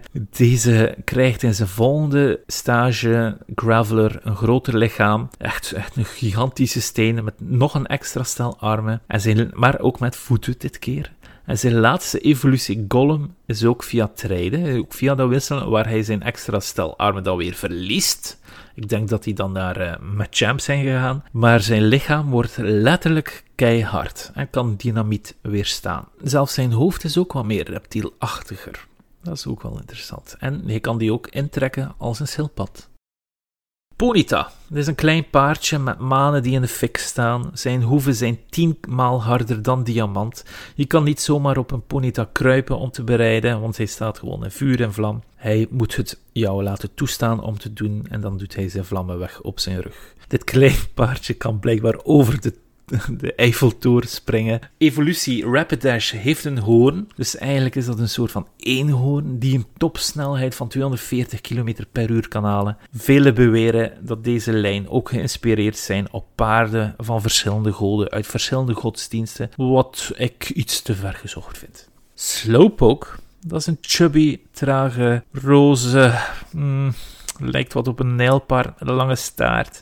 Maar die staart, dat is dan wel weer een delicatesse in de Pokémon-wereld. Die worden vaak gegeten in curry's. Ze gebruiken die staart, die slowpokes, om ook te vissen. Het was ook altijd fijn om dan te zien als hij een shelder vangde aan de hand van zijn staart, dat hij dan evolueerde in een slowbro. Slowpoke is erg populair vanwege zijn traag reactievermogen, wat altijd wel een komische toets heeft. Hij heeft zelfs een eigen lied, de Slowpoke Song.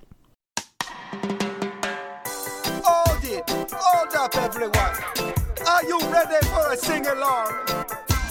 Slowpoke in a reggae, reggae style. Poke, poke, poke, Pokemon. Come in! slow, slow, slow. Ah, ooh, what your story, Slowpoke? Slow, slow, slow. Ah, ooh, what your story, Slowpoke?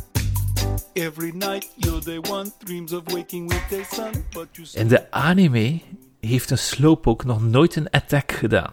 De Slowbro, waarin de Slowpoke verandert, lijkt rechtop te staan en aan zijn staart hangt een boze schelp. Omdat een Slowpoke hierdoor geïnspireerd wordt, krijgt het een hogere intelligentie en scherpt het al zijn aanvallen van water en het paranormale aan.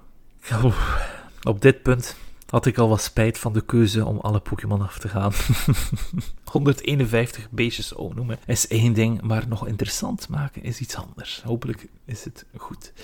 Magnemite, dat zijn twee magneten tussen een petankebal of jeu de boule met een oog en enkele vijzen erop. In Japan, vreemd genoeg, is hij super populair. Hij wordt vaak gebruikt als een meme-Pokémon, ook nog eens in stemwedstrijden. Vooral heeft hij in 2021 nog eens als de beste Pokémon gewonnen uit de eerste generatie. En daardoor heeft deze ja, schattige Pokémon voor de Japanse markt een schattig Japans YouTube-filmpje. Ook met zijn eigen liedje. De evolutie lijkt er zelfs op dat het gewoon drie Magnemites zijn die aan elkaar hangen. Farfetch, die hierop volgt, is een bruine eend met een prei in zijn hand. Redelijk zeldzaam in het wild, omdat hij een lekker gerechtje is in de keuken. Ik moet zeggen dat ik ook wel echt een fan ben van eend, maar dat terzijde.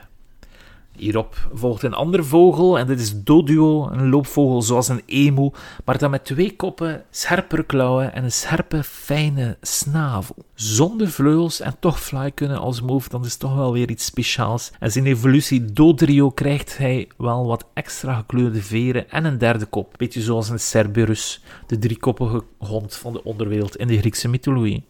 Seal is een witte zeehond, of rob, die je overigens makkelijk kan zien in de Wattenzee.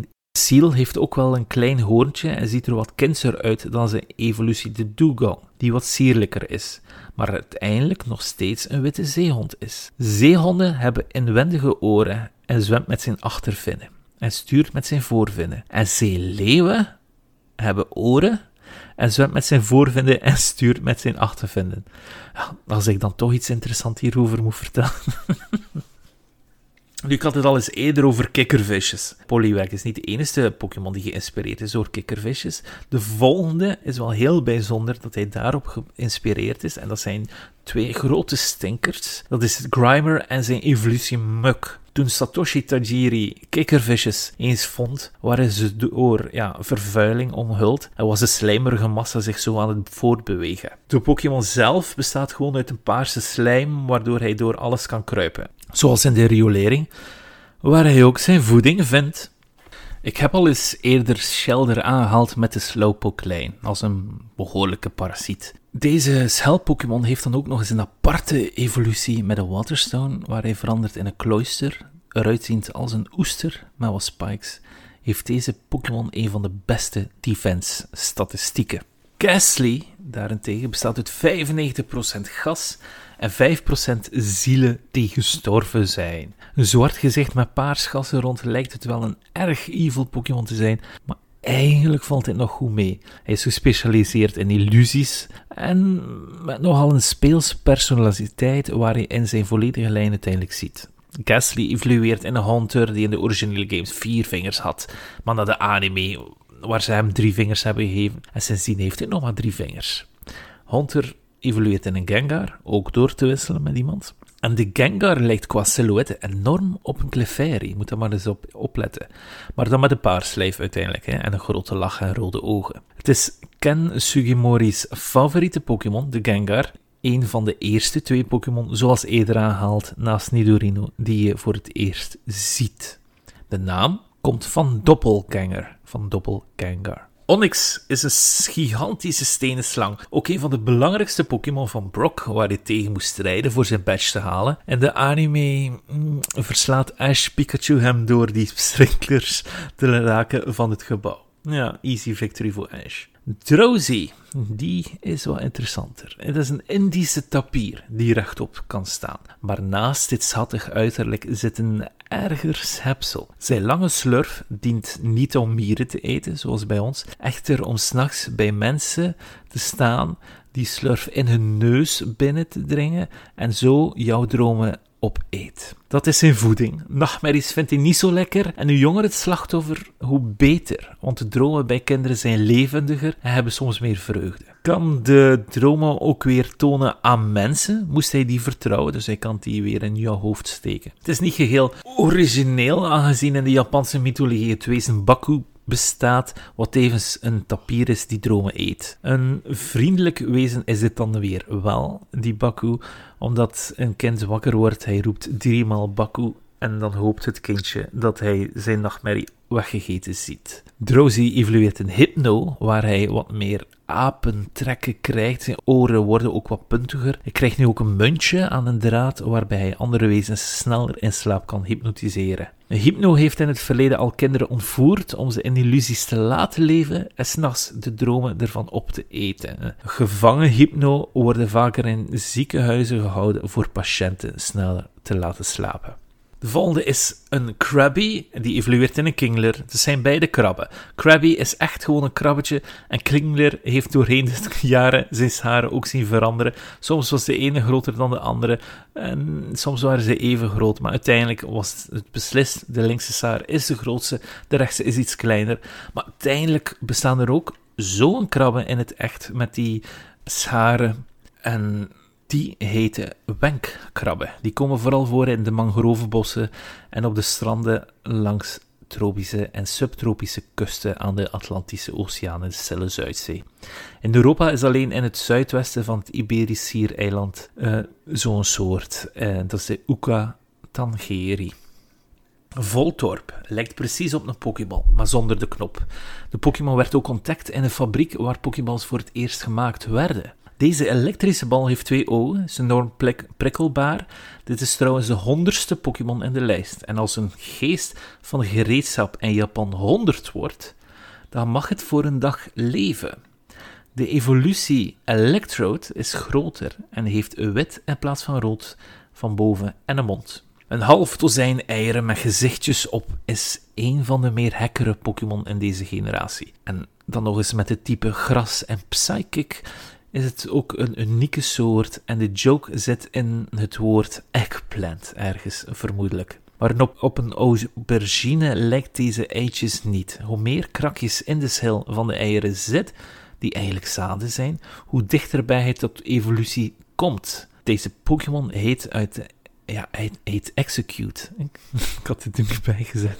Ook al evolueert Execute dus eigenlijk met een Leafstone in een Executor, wat een mix is van een yucca-plant met een kokosnoot, ja, kokosnootboom en de vruchten hebben gezichten die elk een eigen gedachtepatroon hebben. Dus een, wandelende boom. En als de vrucht valt, zoals een van die gezichten valt, dan gaan die gezichten kleiner worden en dan zoeken ze vijf andere gezichtjes om weer een execute te vormen. Ook zeggen sommigen dat deze deels gebaseerd is op het Japanse monster de Yinmenyu. Dat is een boom met mensenhoofden, maar die mensenhoofden lachen wel altijd. Eng. Ugh. Cubone is gekend als de Pokémon die de schedel van zijn dode moeder draagt. Altijd erg treurt hij in die schedel. Zoals vele Pokémon uit generatie 1 ziet hij er heel erg geïnspireerd uit als een kaiju.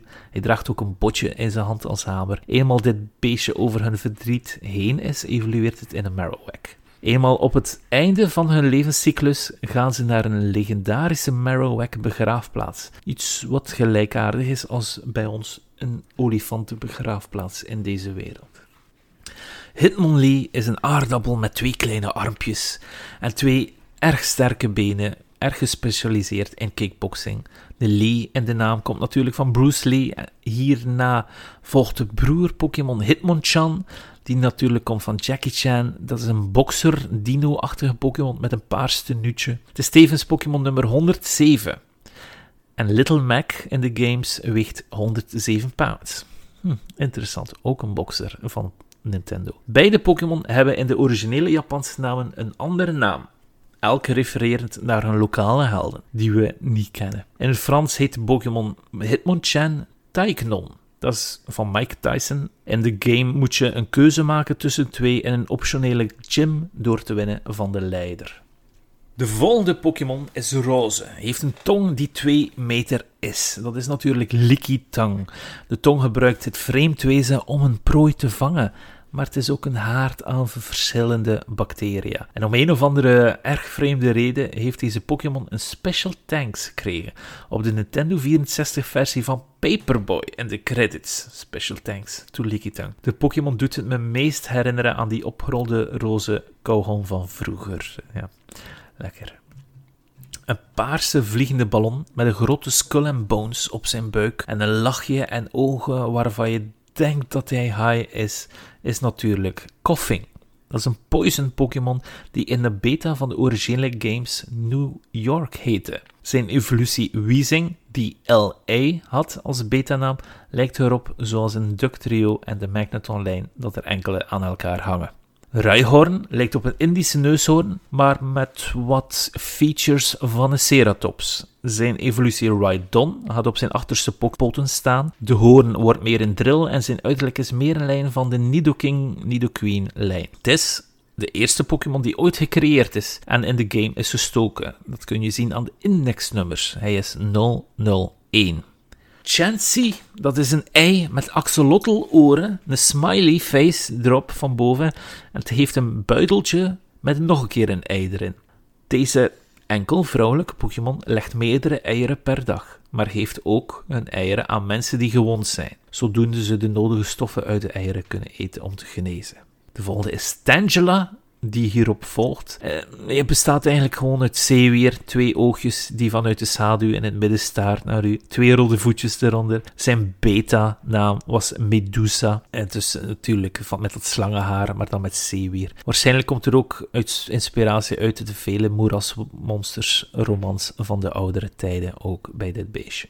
Een andere all-female Pokémon vanwege de buidel is Kangaskhan. In de index de tweede Pokémon ooit gemaakt. Dat is ook te zien aan de gelijkenissen met, Queen en King en Rhydon en zo verder. Eigenlijk basically Godzilla, maar dan in Pokémon-vorm. De Kanga is natuurlijk van een kangaroo en de Khan komt van Genghis Khan, een Mongoolse keizer die goed gepantserd was. Wat de Pokémon in kwestie ook wel heeft, door aan zijn kop en eh, zo wat die platen te hebben en ook aan zijn lichaam wat plates en armor.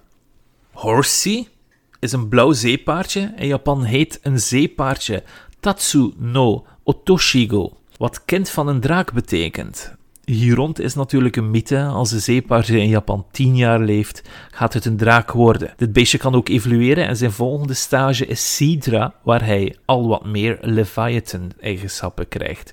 Zijn vinnen worden wat gespitser, zijn schubben worden wat meer uitgesproken. Een, een die erop volgt en zijn evolutie Sea King zijn eigenlijk gewoon beide goudvissen. Wel met beide een hoorntje op hun hoofd, maar hoe ik ook zoek en ja, ik kan hier maar heel weinig interessante dingen over vinden.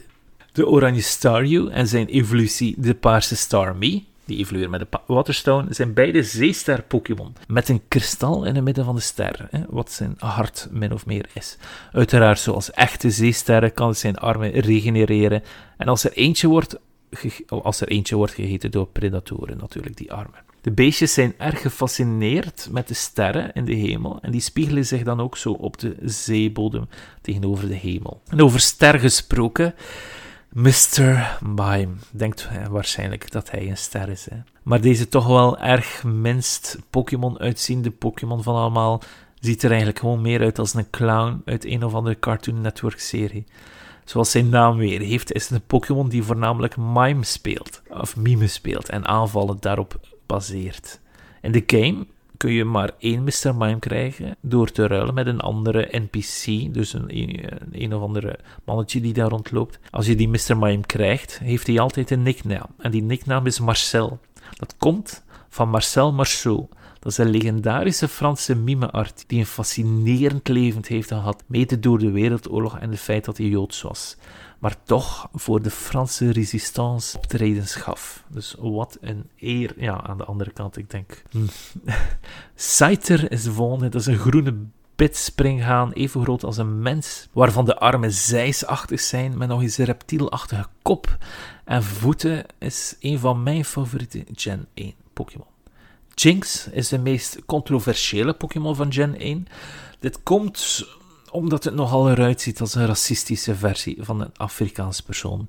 Met name een erg zwart gezicht, met grote rode lippen, een moederlijk figuur daar nog eens bij. En net zoals Mr. Popo in Dragon Ball hebben ze als oplossing gevonden het zwart in het gezicht te veranderen in de laatste decennia naar paars. Deze Pokémon heeft ijskrachten. Ziet er ook erg uit dat de inspiratie voor haar panzer eruit ziet als een of andere Valkyrie. Erg genoeg, bij het opzoeken zie ik op verschillende wikis het woord Zwarte Piet verschijnen, omdat Jinx ook de kerstmannen heeft geholpen in de anime. Daarnaast hebben we in Japan ook een yokai die erg lijkt op de beschrijving van Jinx, namelijk Yamanba. Die heeft als eigenschappen een rode kimono, dat klopt, wit haar, dat klopt, sneeuw kan manipuleren, een donkere huid en grote lippen. Wat het ook is, we gaan Jinx niet zo vaak terugzien, lijkt me. Electrabus, we zijn er bijna, is dan weer een kruising tussen een Marsupilami en dezelfde dino-trekken als een Scyther. Deze gele ogre heeft, zoals zijn naam verwijst, elektrische krachten en heeft als stevig diner graag een bliksemschicht, waar ze s'avonds voor het beste plekje strijden als het aan het onweren is. Hierop volgt een vuureend met alweer typerende dino-kenmerken. Eigenlijk is Magmar een rood-gele Godzilla met het hoofd van iemand uit de DuckTales. Met een lichaamstemperatuur van 1200 graden is het zeker een eend om met handzoenen en meer vast te pakken. Nu, zoals heel in het begin van de episode zei ik dat Tajiri Satoshi gefascineerd was door insecten in het prille begin van zijn leven. Pinsir is zo eentje die dat voor zijn tijd voorstelt. Eigenlijk is het bijna een bruin vliegend gert, stag beetle. Die komen ook bij ons voor, eh, als je goed zoekt s'avonds, uh, vooral bij eikenbomen eigenlijk. Gelukkig zijn die maar maximaal 8 centimeter en niet zo groot als ons, eh, zoals in de Pokémon. De inspiratie was voor sommige Pokémon die de review deden soms niet erg ver te zoeken. Hè? Zoals een dier of dit of dat, een eend en zo verder, hè, zoals daarnet. Toros is ook zo eentje. Toros is een bison met flinke hoorns. En, en in plaats van één zielig koestaartje heeft hij er drie. Ash had ooit Toros in de anime gevangen. Ik wist nooit hoe. Het was eigenlijk omdat het een verbannen episode was, omdat hier een pistool in voorkwam. Deze episode speelt zich dus af in de safari-zone. Ja, het is een spijtige zaak die we nooit hebben kunnen ervaren. De bekendere vis-Pokémon is natuurlijk Magikarp. De Pokémon die je voor 500 Pokédollars kan kopen op de weg ehm, van de ene badge naar de andere. Eigenlijk is het gewoon een rode kooi met wat goudvis-eigenschappen. Dit is de meest voorkomende vorm, maar er zijn meer dan 31 verschillende kleuren die je kan vangen in een spin-off Pokémon game genaamd Pokémon Magikarp Jump op Android of iOS, waar je zijn enigste move Splash moet gebruiken om het hoogst van iedereen te kunnen springen. Magikarp is zoals in het echte leven een invasieve soort, dus het neemt snel alles over als het kans zou krijgen. Heeft natuurlijk ook zijn eigen lijfleed, hè. Magikarp is zo populair. Totally pathetic, unreliable. Known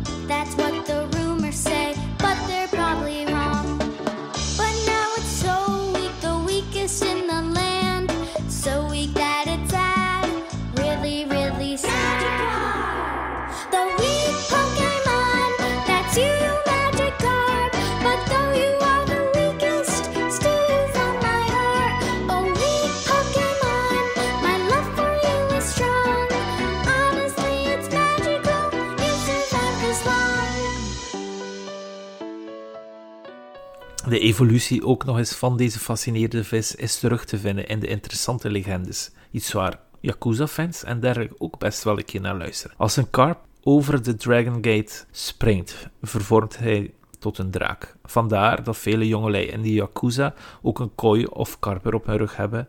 De gate ligt nog eens stroomopwaarts. Dus het is zeker geen gemakkelijke tocht.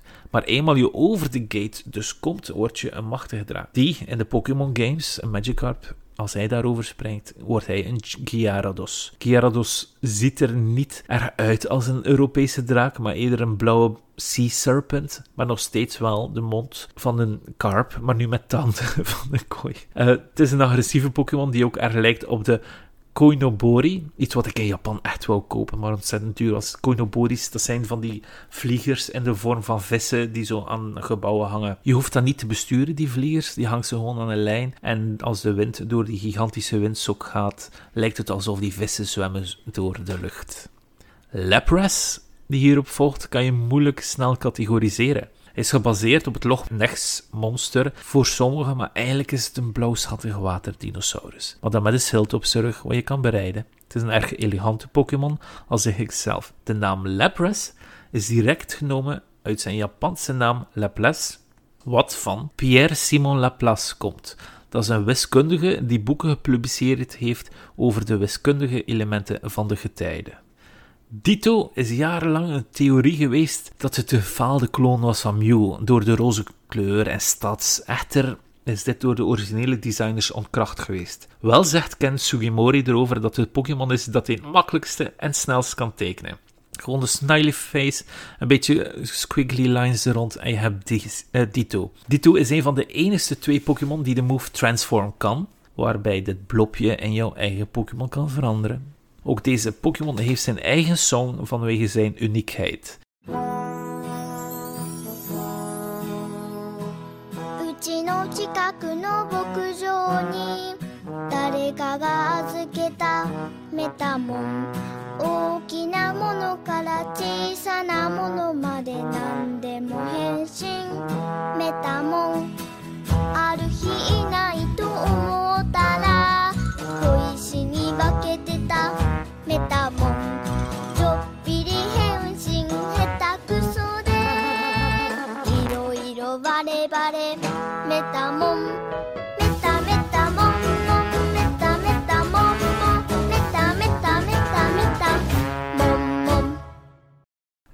en zoals je hoort in het liedje heet Dito in Japan Metamon uiteraard van metamorfose. En dan komen we ook bij een favorietje, dat is Eevee. Eh, Die Eevee is gemaakt zonder een Pokémon-type in gedachten, maar ook met de bedoeling dat je er geen dier op kan plakken. Dus daarom ziet het er eigenlijk een beetje uit als een kruising tussen een hondje en een kat. Eh, ze deden dit omdat Eevee altijd al bedoeld was om verschillende evoluties te hebben. EV is zijn naam, wat eigenlijk staat voor evolution natuurlijk. Deze kan dus door de Waterstone in een Vaporeon veranderen met een wat eigenlijk een blauwe IV is met vinnen en een blauw beschupte huid met een staart. Als een zeemeermin. Met hulp, behulp van de Thunderstone wordt het beestje een Jolteon, een gele IV met wat pieken in zijn haar. Maar als een IV een Firestone krijgt, wordt hij Flareon. Dat is een rode met gele fluffjes IV, die natuurlijk zich specialiseert in vuuraanvallen. Porygon is eentje die meestal wordt vergeten. Dat is een van de eerste Pokémon die gecreëerd is door de mens door middel van programmeren. Hij kan zijn lichaam veranderen in data en zo door de cyberspace reizen. Lijkt op een roze eend uit de Nintendo 64-era, omdat er zo weinig polygonen aan te pas komen. In 1997 zei hij Satoshi Tajiri in een Fanimaga 64 magazine dat hij Porygon heeft gemaakt uit ironie. Volgens hem, doorheen rood en groen, als- het aan de maak waren, waren mensen telkens aan het komen en zeggen dat het gewoon te laat was voor de Game Boy om die game te maken. Dat hij beter gewoon zou beginnen met 3D polygon graphics voor de volgende generatie consoles. Ja, als resultaat heeft hij dus Porygon gemaakt, een Pokémon gemaakt uit polygonen. Ja, in het sprite-based Pokémon rood en groen, daarom de ironie. Omanyte is een ammoniet met als uiteinde uit de schelp twee ogen en wat blauwe tentakels. Het zijn uiteindelijk inktvissen met een schelp. En zijn evolutie evo Omastar, wat een bekje heeft en nog meer tentakels en een schelp, die wat meer, ja, die schelp lijkt, dat het wat meer uit het laatkrijt lijkt te komen. Men zegt dat deze Pokémon uitgestorven zijn, maar door middel van de fossielen kunnen ze deze Pokémon terugbrengen. Wat gebeurd is door de Pokémon games door en nu al meer te vinden zijn in hun oceaan. De naam van een ammoniet is afkomstig van de Egyptische god Amon, die afgebeeld werd als een man met het hoofd van een ram. Ammonieten lijken dus op een opgekrulde ramshoorn waarmee Amon werd voorgesteld. Ik ben net terug van Engeland en ik heb meerdere ammonietfossielen gevonden aan de kust. Ook hier in Frankrijk bij Cap Plané kan je ze makkelijk vinden. In de games moet je dus een keuze maken tussen de Helix-fossiel, waar Omanyte in zit, en de Dome-fossiel, waar Kabuto in zit. En Kabuto is dan op zijn beurt een degenkrab zonder staart. En een degenkrab is eigenlijk geen krab, het is meer een spin. Wat ook wel bekend staat als een levende fossiel. En dit speciaal diertje heeft maar liefst vijf grote extincties overleefd. Het lijkt ook wel wat op een trilobiet, wat ook een apart fossiel is die vooral in en rond de Eifel in Duitsland kan vinden. In tegenstelling tot zijn real-life tegenpool evolueert in Kabuto wel. Hier evolueert deze eigenaardige Pokémon in een Kabutops. Kabuto is helm in het Japans trouwens. Eigenlijk een Kabutops lijkt erg op een Scyther qua lichaamsbouw. Zijn shiny is zelfs groen. Het grootste verschil is dat deze geen vleugels heeft en een enorme platte kop. Ik vermoed dat hier ook een leuke evolutie in te vinden is, uiteindelijk. Aerodactyl is een van de fossiel Pokémon die je sowieso krijgt. Het is een gigantische vliegende steendinosaurus, ook erg sterk gelijkend op een draak, maar hij is ook gebaseerd op de uitgestorven Pterosaurus. In het verleden werden er verschillende soorten en maten gevonden van fossiele specimens van Pterosaurussen. En het uitsorteren en benoemen van deze ondersoorten zagen ze enkele die even groot zijn als onze handpalm. En andere kenmerken toonden dan de vorige specimens. Dus, omdat die in feite in onze zak kon passen, hebben ze de naam in 2018 aangegeven aan een Pterosaurus, een officiële naam, de Aerodactyl. Dus er bestaat nu ook effectief een echte Aerodactyl eh, die ooit heeft gelopen op onze aarde. Een ode dus eigenlijk aan deze gargoyle. De meeste Pokémon, ja, nog eens gebaseerd op dieren of legendes, maar je zou eigenlijk niet willen dat de volgende Colossus op jou gebaseerd is. Maar helaas, het is gebeurd. Snorlax, de gigantische vredeliefde, maar ook vreten lievende, och, ik probeer een Robbie-punt te maken, die altijd slaapt, is gebaseerd op Game Freak's eigen programmeur Koji Nishino. En eenmaal hij veel gegeten heeft, zakt hij af in een foodcoma. En terwijl hij zijn diepe hij de, eh, verspert hij de weg voor jou. In de games is het ook zo. Snorlax slaapt vaak. Hij, verspert de weg voor jou. Je maakt hem wakker met de Pokéfloed, waardoor hij dan deze blauwe beer kan vangen. De volgende drie Pokémon zijn de drie legendarische vogels. Namelijk de ijsvogel Articuno, de elektrische vogel Zapdos en vuurvogel Moltres, wat in het Spaans stellen is natuurlijk Uno, dos, tres. Ook heeft deze trio ook een naam mogen uitlenen. In 2020 aan drie kevers in Australië. De Binburum Articuno, de Binburum Zapdos en de Binburum Moltres zijn drie kevertjes die erg zeldzaam zijn daar. Uh, en daardoor hebben ze ook de naam gehad van de legendarische vogels, omdat ze zo zeldzaam zijn. Ik vind, ja, de drie vogels hebben elk hun eigen design. De ene is wat eleganter dan de andere.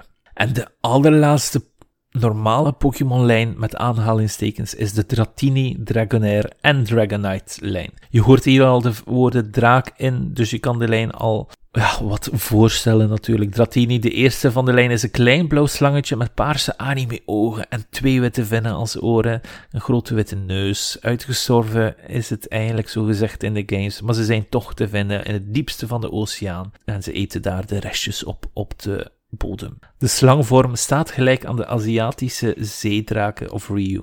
In zijn volgende evolutie is Dragonair, wordt het nog langer, dat beestje. De vinnen aan zijn hoofdje worden vleugels, waarmee hij de lucht in kan gaan.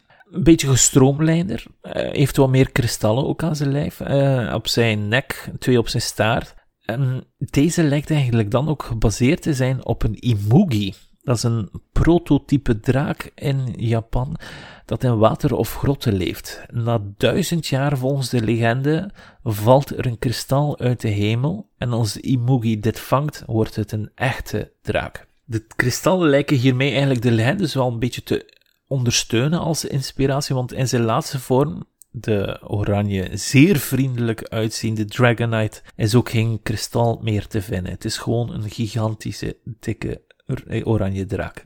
Deze powerhouse redt mensen van de verdrinkingsdood, maar gaat op ravage als het in gevaar is, tot alles neer is en kan zijn kanten terugvinden. Dit is echter wel een van de meer knuffelbare Pokémon en zoals te zien in de anime, oei, een echte knight van Dragonite. Wink, wink, nudge, nudge. Mm -hmm. Nummertje 150. Eindelijk zijn we er. Mewtwo.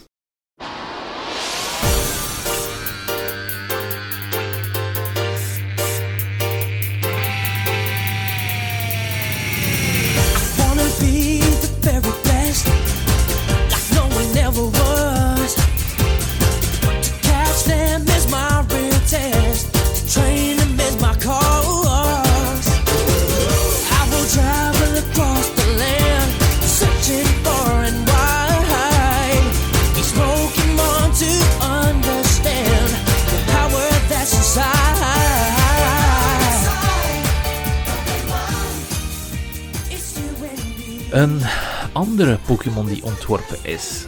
Ditmaal meer genetisch. Het is een kloon van een andere Pokémon, Mew. En hij is ontstaan op een 6 februari in de games. Deze kerel, Mewtwo, ziet er een beetje uit als een hybride van een kale muis, kale kat, paarse staart die van zijn buik loopt, waarvan de testen iets te ver zijn gegaan. Zijn intelligentie is uit de voegen gebarsten. Is op zijn twee poten beginnen lopen.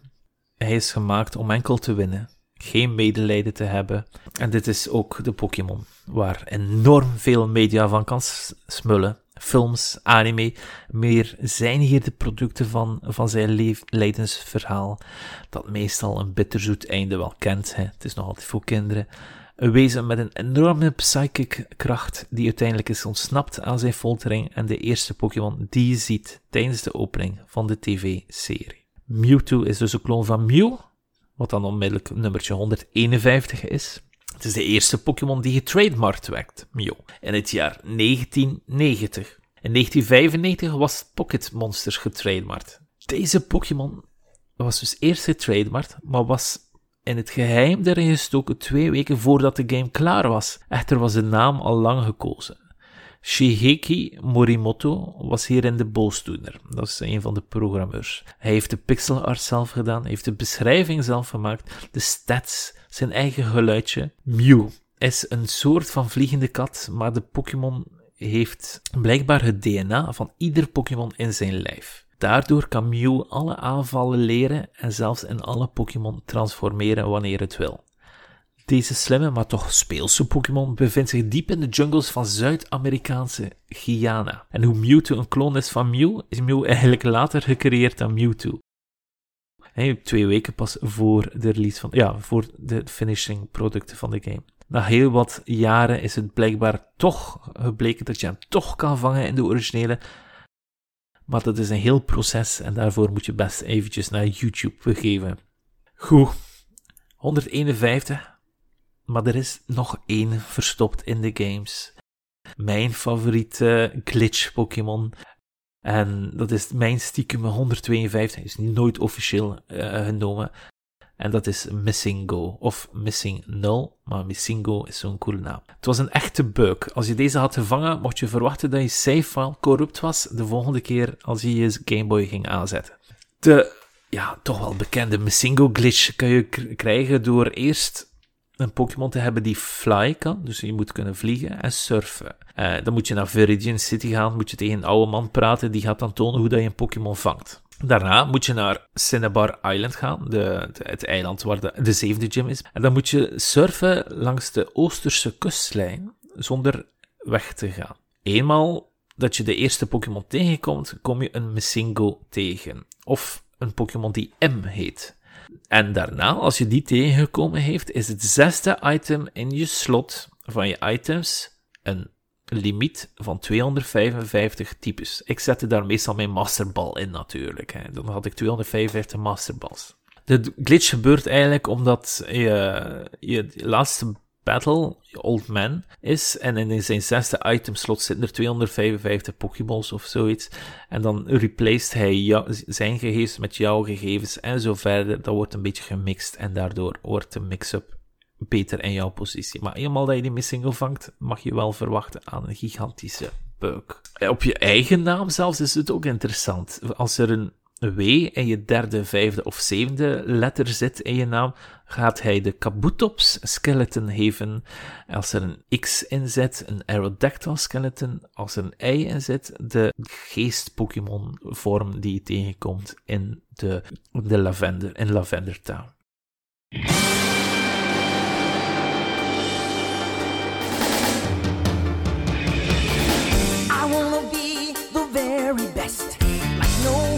Ever was. To catch them is my real test, to train them is my cause.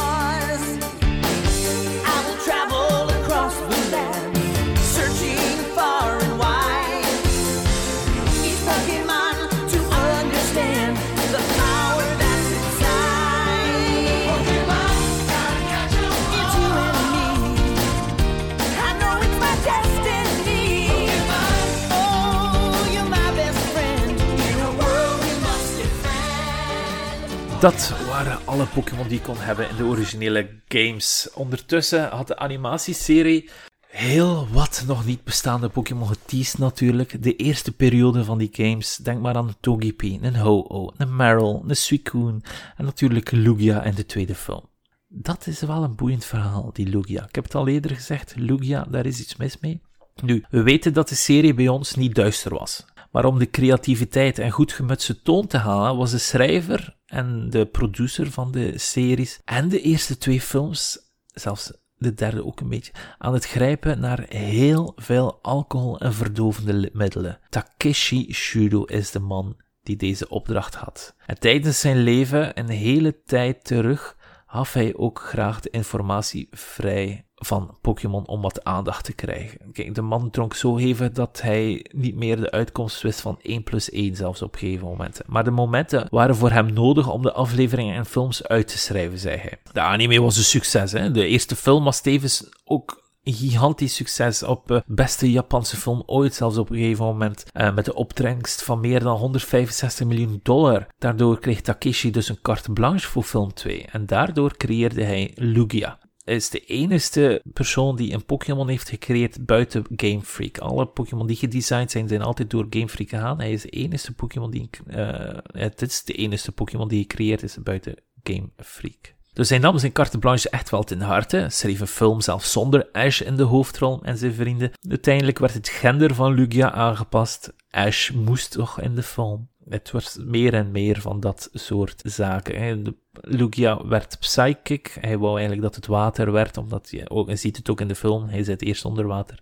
Dit waren allemaal kleine conflicten die hij uiteindelijk als bagagebond gedragen. En tien maanden voor zijn dood gaf hij ook toe dat hij niet meer de creativiteit had rond Ash Ketchum en de avonturen achter 500 episodes. En dat hij toen eigenlijk aan het nadenken was voor een derde film met een gigantische wezen die geen Pokémon was, maar eigenlijk een gigantische T-Rex. En waar die dan zo rond de stad aan het vernietigen was. Maar dat script werd neergeschoten en werd neergehaald door Nintendo. Shudo was hier redelijk ongelukkig van. Hij verdween echt met die Lugia-toestanden ook. Hij wou dat de sekse van de Lugia ook anders was en zo verder. Heeft hij heel veel in interviews ook aangekaart van, ja, dat vind ik echt spijtig. En hij is dan eventjes aan de kant gezet of zo. En tien maanden later stortte hij in op 29 oktober 2010 in een tramstation in Nara. Gestorven door een subarachnoïdale bloeding. Iets wat je eigenlijk gewoon makkelijk kan krijgen. Door een te hoge bloeddruk. Waarschijnlijk door alcohol en zo verder. Vandaag de dag zijn er dus meer dan 1000 afleveringen, 23 films. Gelukkig gaan we die niet integraal bespreken. Chance?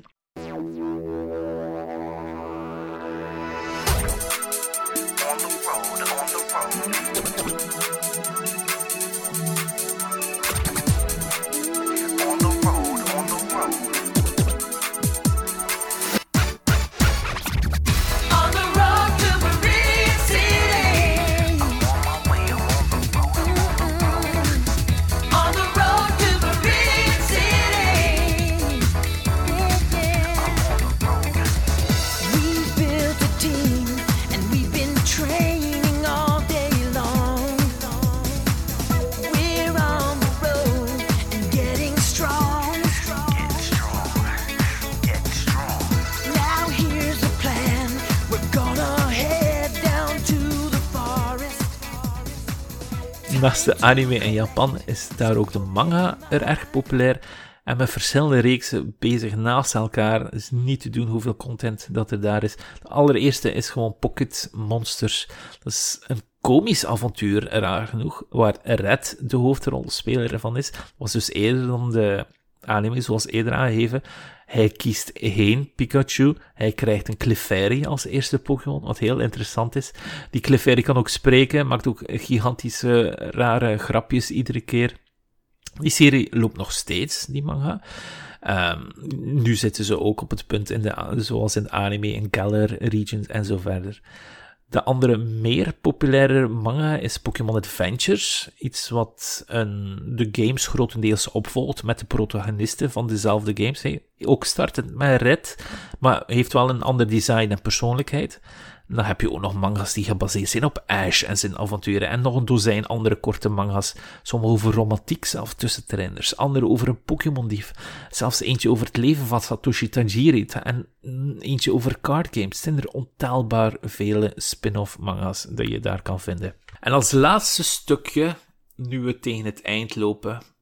Pokémon Rood en Blauw. Dat is uiteindelijk ook het avontuur die we het vaakst gedaan hebben in de videogames. Ik bedoel, in de Kanto region hebben het meeste in Pokémon ge- geavontuurd. Startend met de series, daarna als verrassing in Gold Silver kon je dat, ja, eenmaal dat je de eerste keer had uitgespeeld, kon je plotseling in Kanto begeven in die, in die Gold, Silver en Crystal. Dat was fantastisch om als kind dat mee te maken. En dan werd hij geremaked in Pokémon Fire Red en Leaf Green, die op 1 oktober 2004 uitkwam in Europa.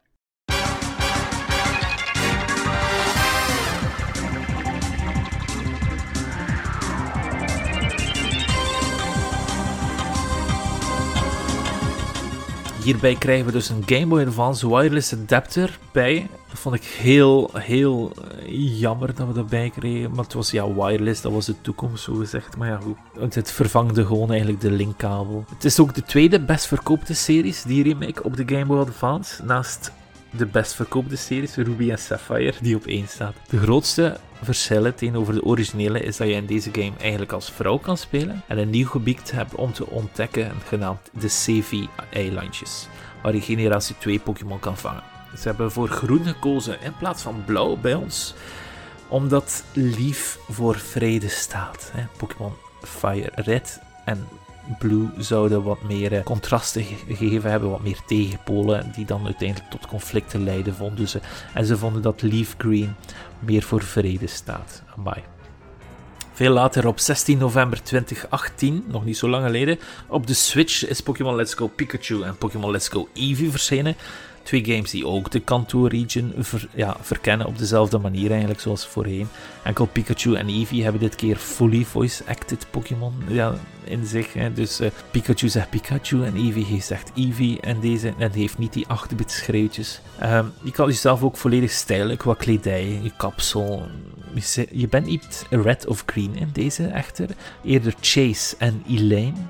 Dat eh, is nieuw. Maar het beste verschil was dat je Pokémon kon zien lopen in het wild. Een van de ja, grotere verschillen tussen de oudere generaties. Hè. Die random battles die je altijd tegenkomt. Dat kon wel altijd leuk zijn, maar uiteindelijk werd dat ook irritant. En als je ze eenmaal ziet lopen, kun je ze ook ontwijken natuurlijk. Ze werden wel middelmatig ontvangen, die games, door de Pokémon Hardcore. Vanwege, het was te makkelijk. En de features van vorige games zaten er gewoon niet in. Je kon niet meer wisselen, je kon niet meer broeden, je kon zelf niet online vechten tegen elkaar en zo verder. Toch vind ik het persoonlijk een goede introductie voor de jonge kroost in huis, zeg maar. Ik hoop dat je dan al die Pokémon-weertjes, als je dat eenmaal hebt in huis en de, de kleine speelt, dat, je die dan kan afvuren als je aan het spelen Dan eh, ben je de idool natuurlijk. Met dit gezegd zijnde kunnen we concluderen dat Pokémon uiteindelijk een goede gameseries is voor de jeugd. Ik heb in Engels hoofdzakelijk geleerd door de games toen. Maar ik geloof ook dat Pokémon mij heeft aangezet om de natuur en cultuur meer te appreciëren. En ook al hebben we vaak kritiek dat ze zoveel meer kunnen zijn, wat correct is natuurlijk.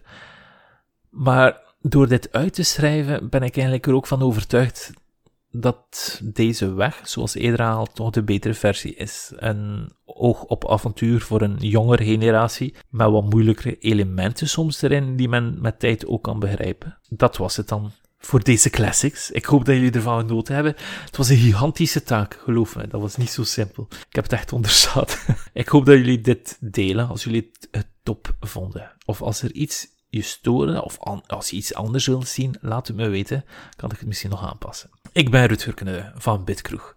Bedankt om te luisteren en tot de volgende. Salukus. I want to be the best there ever was. To beat all the rest, yeah, that's my cause. Electro, Diglett, Nidoran, Mankey, Venusaur, Rattata, Fearow, Pidgey, Sea King, Jolteon, Dragonite, Ghastly, Ponyta, Vaporeon, Poliwrath, Butterfree. Catch 'em, catch 'em, gotta catch 'em all. Pokemon! I'll search across the land, look far and wide. Release from my hand the power that's inside. Venomoth, Poliwag, Nidorino, Golduck, Ivysaur, Grimer, Victory Bell, Moltres, Nidoking, Farfetch'd, Abra, Jigglypuff, Kingler, Rhyhorn, Clefable, Wigglytuff. Catch 'em, catch 'em, gotta catch 'em all. Gotta catch 'em all. Zubat, Primate, Meowth, Onyx, Geodude, Rapidash, Magneton, Snorlax, Gengar, Tangela, Goldeen, Spearow, Weezing, Seal, Gyarados, Slowbro. Gotta catch 'em all, gotta catch 'em all. Yeah. Gotta catch 'em all, gotta catch 'em all. Yeah. Gotta catch 'em all, Pokemon! Kabuto, Persian, Paris, Horsey, Raticate, Magnemite, Kadabra, Weepinbell, Ditto, Cluster, Caterpie, Sandshrew, Bulbasaur, Charmander, Golem, Pikachu!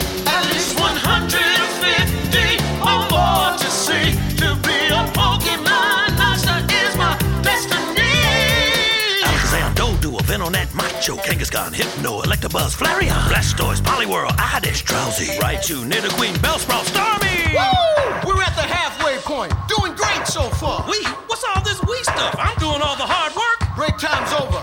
Here we go. Metapod, Clefairy, Dodrio, Cedra, Firebloom, Granny, Lickitung, Tauros, Weedle, Nidoran, Machop, Shelter, Porygon, Hitmonchan. Gotta catch 'em all, gotta catch 'em all. Yeah. Gotta catch 'em all, gotta catch 'em all. Yeah! Articuno, Jinx, Nidorina, Beedrill, Haunter, Squirtle, Chansey, Pokemon. Parasect, Execute, Muck, Dugong, Johto, Lapras, Vulpix, Rhydon.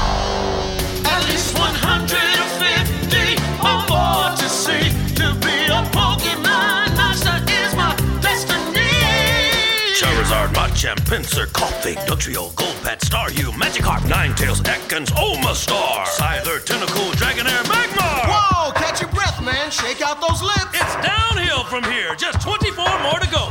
Now it gets tricky, so listen real good. Sandslash, Hitmonlee, Psyduck, Arcanine, Eevee, Executor, Kabutops, Zapdos, Dratini, Bowlife, Mr. Mime, Cubone, Graveler, Voltorb, Gloom. We're almost home! Gotta catch 'em all, gotta